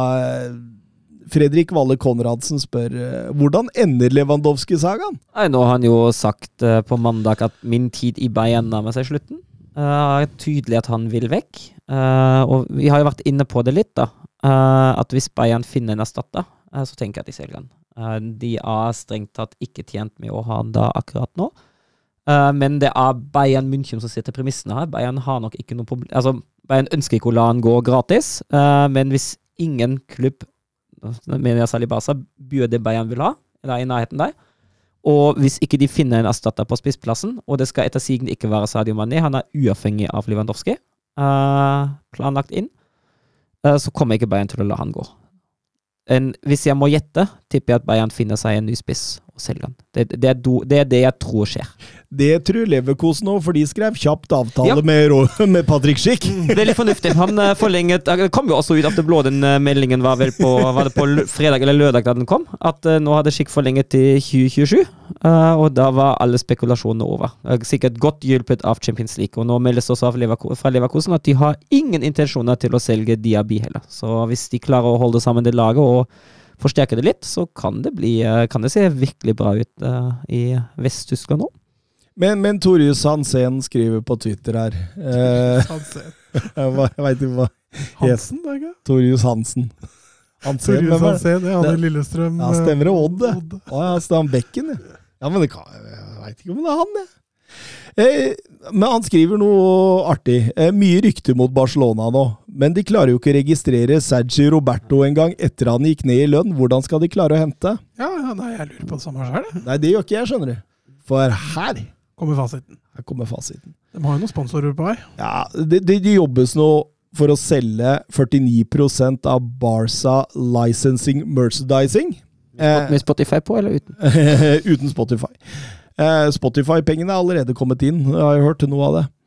Eh, det betyr 200-300 millioner euro inn i kassa. Det er noe Laporta driver med nå, og, og, og er framtidig. Samtidig kommer den nye CWC-avtalen inn, som, eh, Den som er ikke signert ennå. Nei, men den, den kommer nok inn. Eh, for La. Liga, som gjør egentlig at La Liga får et lite hopp, da. økonomisk alle La Liga-klubber. Eh, den regner de med. Og så er det jo at de prøver å selge Frenkie de Jong. Og, og, og dermed skal de altså Jo, men uh, det med lønnstak i de forskjellige klubbene går jo også på income mm, de siste årene. Og Der har Barca ligget så lavt at lønnstaket til Barcelona er ganske lavt da, i forhold til hva det har vært. For å få løfta det lønnstaket, så må de ha en økning i income fra forrige sesong. da. mm. Og det vil de jo ikke kunne klare nå. Nei, For det vil jo ikke skje før neste år. Så dette vil ta litt tid. Det er jo helt riktig. Mm. Så de er nødt til å selge spillere. De må få spillere ned i lønn. Uh, og nå har de jo foreslått samme med Piquet og Tørstegen, og de har dratt inn alle disse for å få de ytterligere ned i lønn. Mm. For da å kunne klare å signere flere spillere. Og så er det klart ja, at det er spillere på vei ut der. Altså Umtiti, Lenglet Man ønsker jo selvfølgelig å få solgt Braithwaite, Pjanic altså Dette er spillere man ikke er tjent med å ha på lønningslista. Altså klart Får hun bort en del av dette, så vil jo det åpne opp en del. Mm. Mm. Jeg tenker det er den veien man må gå. Spennende altså, å se hvordan dette her går. Fordi, altså, og, og jeg må jo tenke for Barcelona-fansen som sitter og ser Real Madrid vinne Champions League, skal by 100 millioner på Chouameni, var i Mbappé-racet. Altså, det må være litt tøft. Ja, det er det jo. Og den klubben har vært dårlig drevet i mange år, så det, det er ikke noe Det er ikke overraskende, men det er slitsomt Mm. eh, å se. Men Real Madrid har jo vært mye smartere enn det Barcelona har vært. I Atletico Madrid så um, får de ikke i havn en ny avtale med Thomas LeMar, noe som gjør at han vil eventuelt gå gratis i sommer. Det ønsker ikke Atletico Madrid, og, og, og sier eh, ut til alle klubber at vi lytter til bud. Det er litt sånn kjip greie for eh, Atletico Madrid. Og nå, jeg ser de de blir linka med nå, er, er spillere på ganske lav Altså, altså Jonathan Klaus, som vi nevnte fra Lance, eh, på årets lag der, han blir linka inn, men han er jo 29 år. Eh, Molina fra Odinese blir linka inn. Åpenbart at eh, Simione skal ha inn en høyreback. Ja, de har ikke greid Altså, Vass ble ikke den erstatteren av uh, Kid Trippier som de håpa på. Absolutt ikke. Så kommer vi til Real Betis, og det her, her er det mye spennende, skjønner du. Fordi den vil hente inn uh, Dani Ceballos tilbake hjem. Eh, de vil også hente Isco og Cavani. Mm.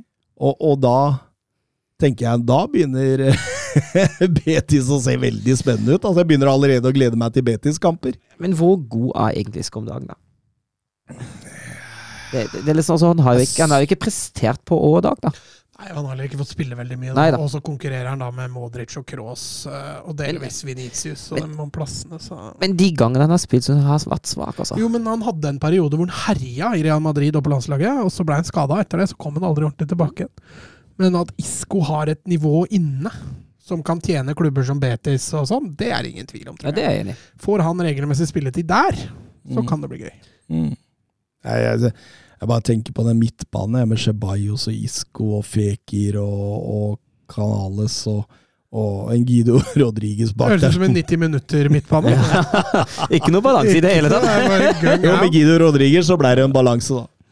Um, siste fra uh, La Liga, litt morsomt, egentlig. Uh, Sevilla er interessert i å hente Harry Winks, og Villarreal er interessert i å hente Giovanni Lo Celso permanent. Vil, vi, hva, hva, hva, hva kan Harry Winks tilføre Nei, det- Sevilla? Det, det er et veldig godt spørsmål. det er faktisk et fryktelig godt Nei, spørsmål. men de bør jo begynne å handle stoppere. Ja. Carlos forsvinner, og nå Det blir spennende å se om de greier å holde Kondé. Altså. Mm. Helt klart, helt klart. Eh, litt i Tyskland. Eh, Ryan Gravenberch skal så å si være klar Ja. for For Bayern München. Mm. Ja, det, det er bare formaliteter som gjenstår. Jeg har flere medier meldt at han i utgangspunktet er klar. Og det er fornuftig. Den sentrale midtbanen trenger litt mer bredde. Sabitza er jo skuffa. Uh, Rocca mener jeg ikke er i nærheten til å liksom være ferdig. Uh, at man da henter inn et spennende talent. Uh, det syns jeg egentlig var positivt som en utfordrer på sikt også til uh, Kimmich og Goretzka og Ravenberg. Han, han fungerer jo både som en sekser og som en åttende. mm. Så det, Mm. dette syns jeg er fryktelig spennende. Og Sadio Mané-linken til Ja, Bayern. og Mané skal jo etter sigende ønske å forlate Liverpool. Eh, Det er flere klubber som skal være interessert. Eh, Men Mané han skal forsterke dybden på kant, og som sagt uavhengig av Lewandowski. Så det er at eh, Bayern vil gi 30, Liverpool ønsker 50. Altså, da mener jeg Liverpool får godt penger igjen for en Mm. som har runda 30 og har ett år igjen på kontrakta. Hvis du får 50 for Ja, han nå det er altså. jeg enig i. Jeg tror ikke Bayern betaler 50. Nei. Det kan de ikke se for meg. Nei, det gjør ikke jeg heller. Men hvor, hvor mye krever en for Lewandowski, som er Nei, eldre? Godt spørsmål. Bay- Barca skal ha budt 32, eh, og det skal ha vært altfor lite. Oi! Oi! Så jeg har, jeg har sett summa 40, men jeg tenker at det nesten er høyere enn 40 år. Oi, oi, oi! Ja, ja, de vil, de vil ikke Da er det, gal, det, det er galskap, syns jeg. Altså, jeg, jeg tenkte Altså, jeg hadde tatt de 40 år godt, altså. Ja, for lenge siden. Ja. Altså, jeg hadde tatt de 32 og gått, og så hadde jeg sagt at da slenger vi på litt mer av det Liverpool vi har, og så henter vi en Mané, liksom. Ja, men det er bare de tallene Altså, det, det, trenger være, det trenger ikke å stemme. Men jeg tror altså Bayern har lyst til å vise at vi er Bayern. Det er vi som er sjefer. Det er vi som bestemmer hva som skjer videre. Mm. Det, det, det, det tar litt konturene til en liten maktkamp, det da, altså.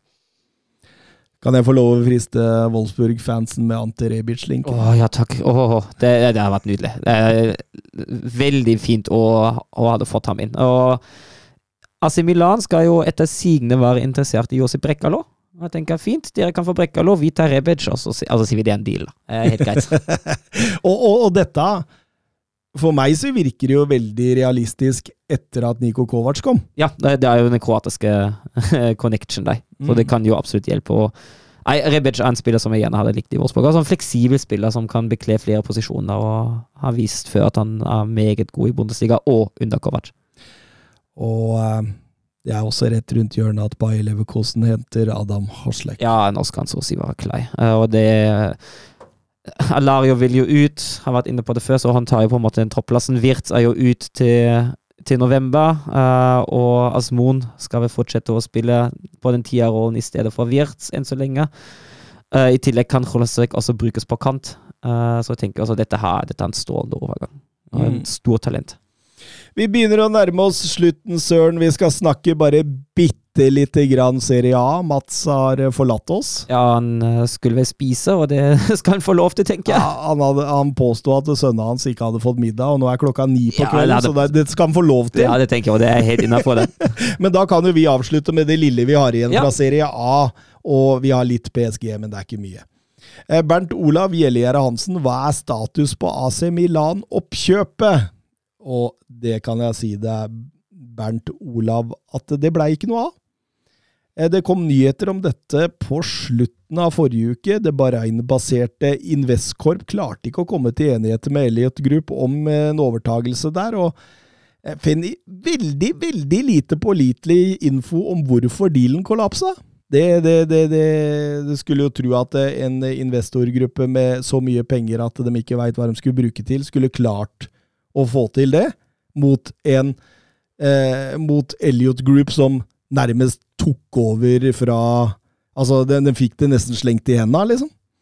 Så, så det, det syns jeg var rar. Men, men, men det betyr da at Milan fortsatt er på status K. Den blir ikke noe, i hvert fall ikke i denne omgang, noe sånn superklubb.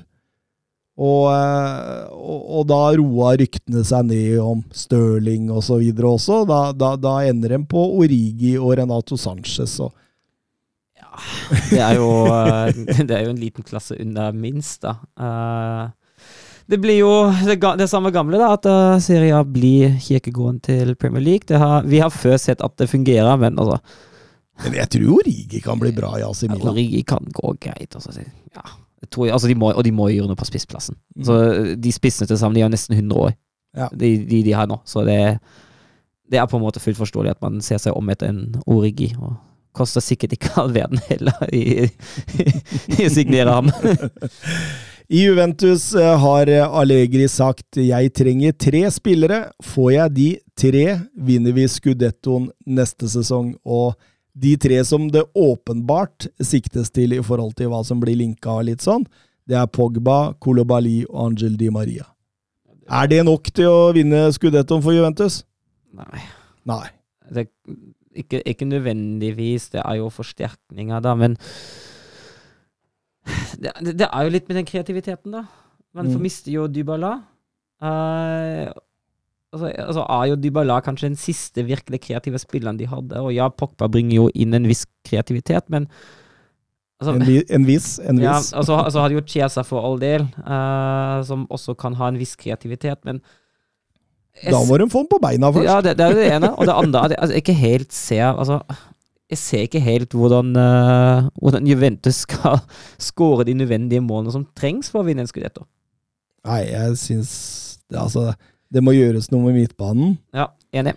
Eh, Det må gjøres uh, noe på bekkene. Det, det må sikkert en eh, Celini erstatter inn. Ja, det er uansett. Er ikke sikker på om Stensny holder mål Nei, eh, det, over det har jeg vært inne på før. Mm. Og, og, og, og man må på en måte spille Vlaovic god. Ja, det, det er kanskje det aller viktigste. Mm. Uh, at man har jo man har en meget spennende spiss i Vlaovic, men det hjelper ikke når ikke han fôres. Nei, altså jeg, jeg ser ikke hvem som kan fôre han nå, altså. Nei, ikke, ikke egentlig jeg heller. Altså, det, det ser jeg, jeg, ser at de blir linka nå til Filip Kostic. eh, Det kan jo være et venstrebein der som kan fòre den litt. Ja, men det, igjen, altså, det er jo en spiller som kommer med gjennom ja, kreativitet og greit, da, men det er kanskje litt, altså, litt som en type sånn powerspiller, hvis du skjønner hva jeg mener. Enn en uh, virkelig uh, filigran, uh, brytende i forsvarslinja, Jeg er helt enig skape med deg. noe, skape noe uforutsett spiller. Mm. Og jeg liker Philip Kostic for alle de han er herlig fotballspiller.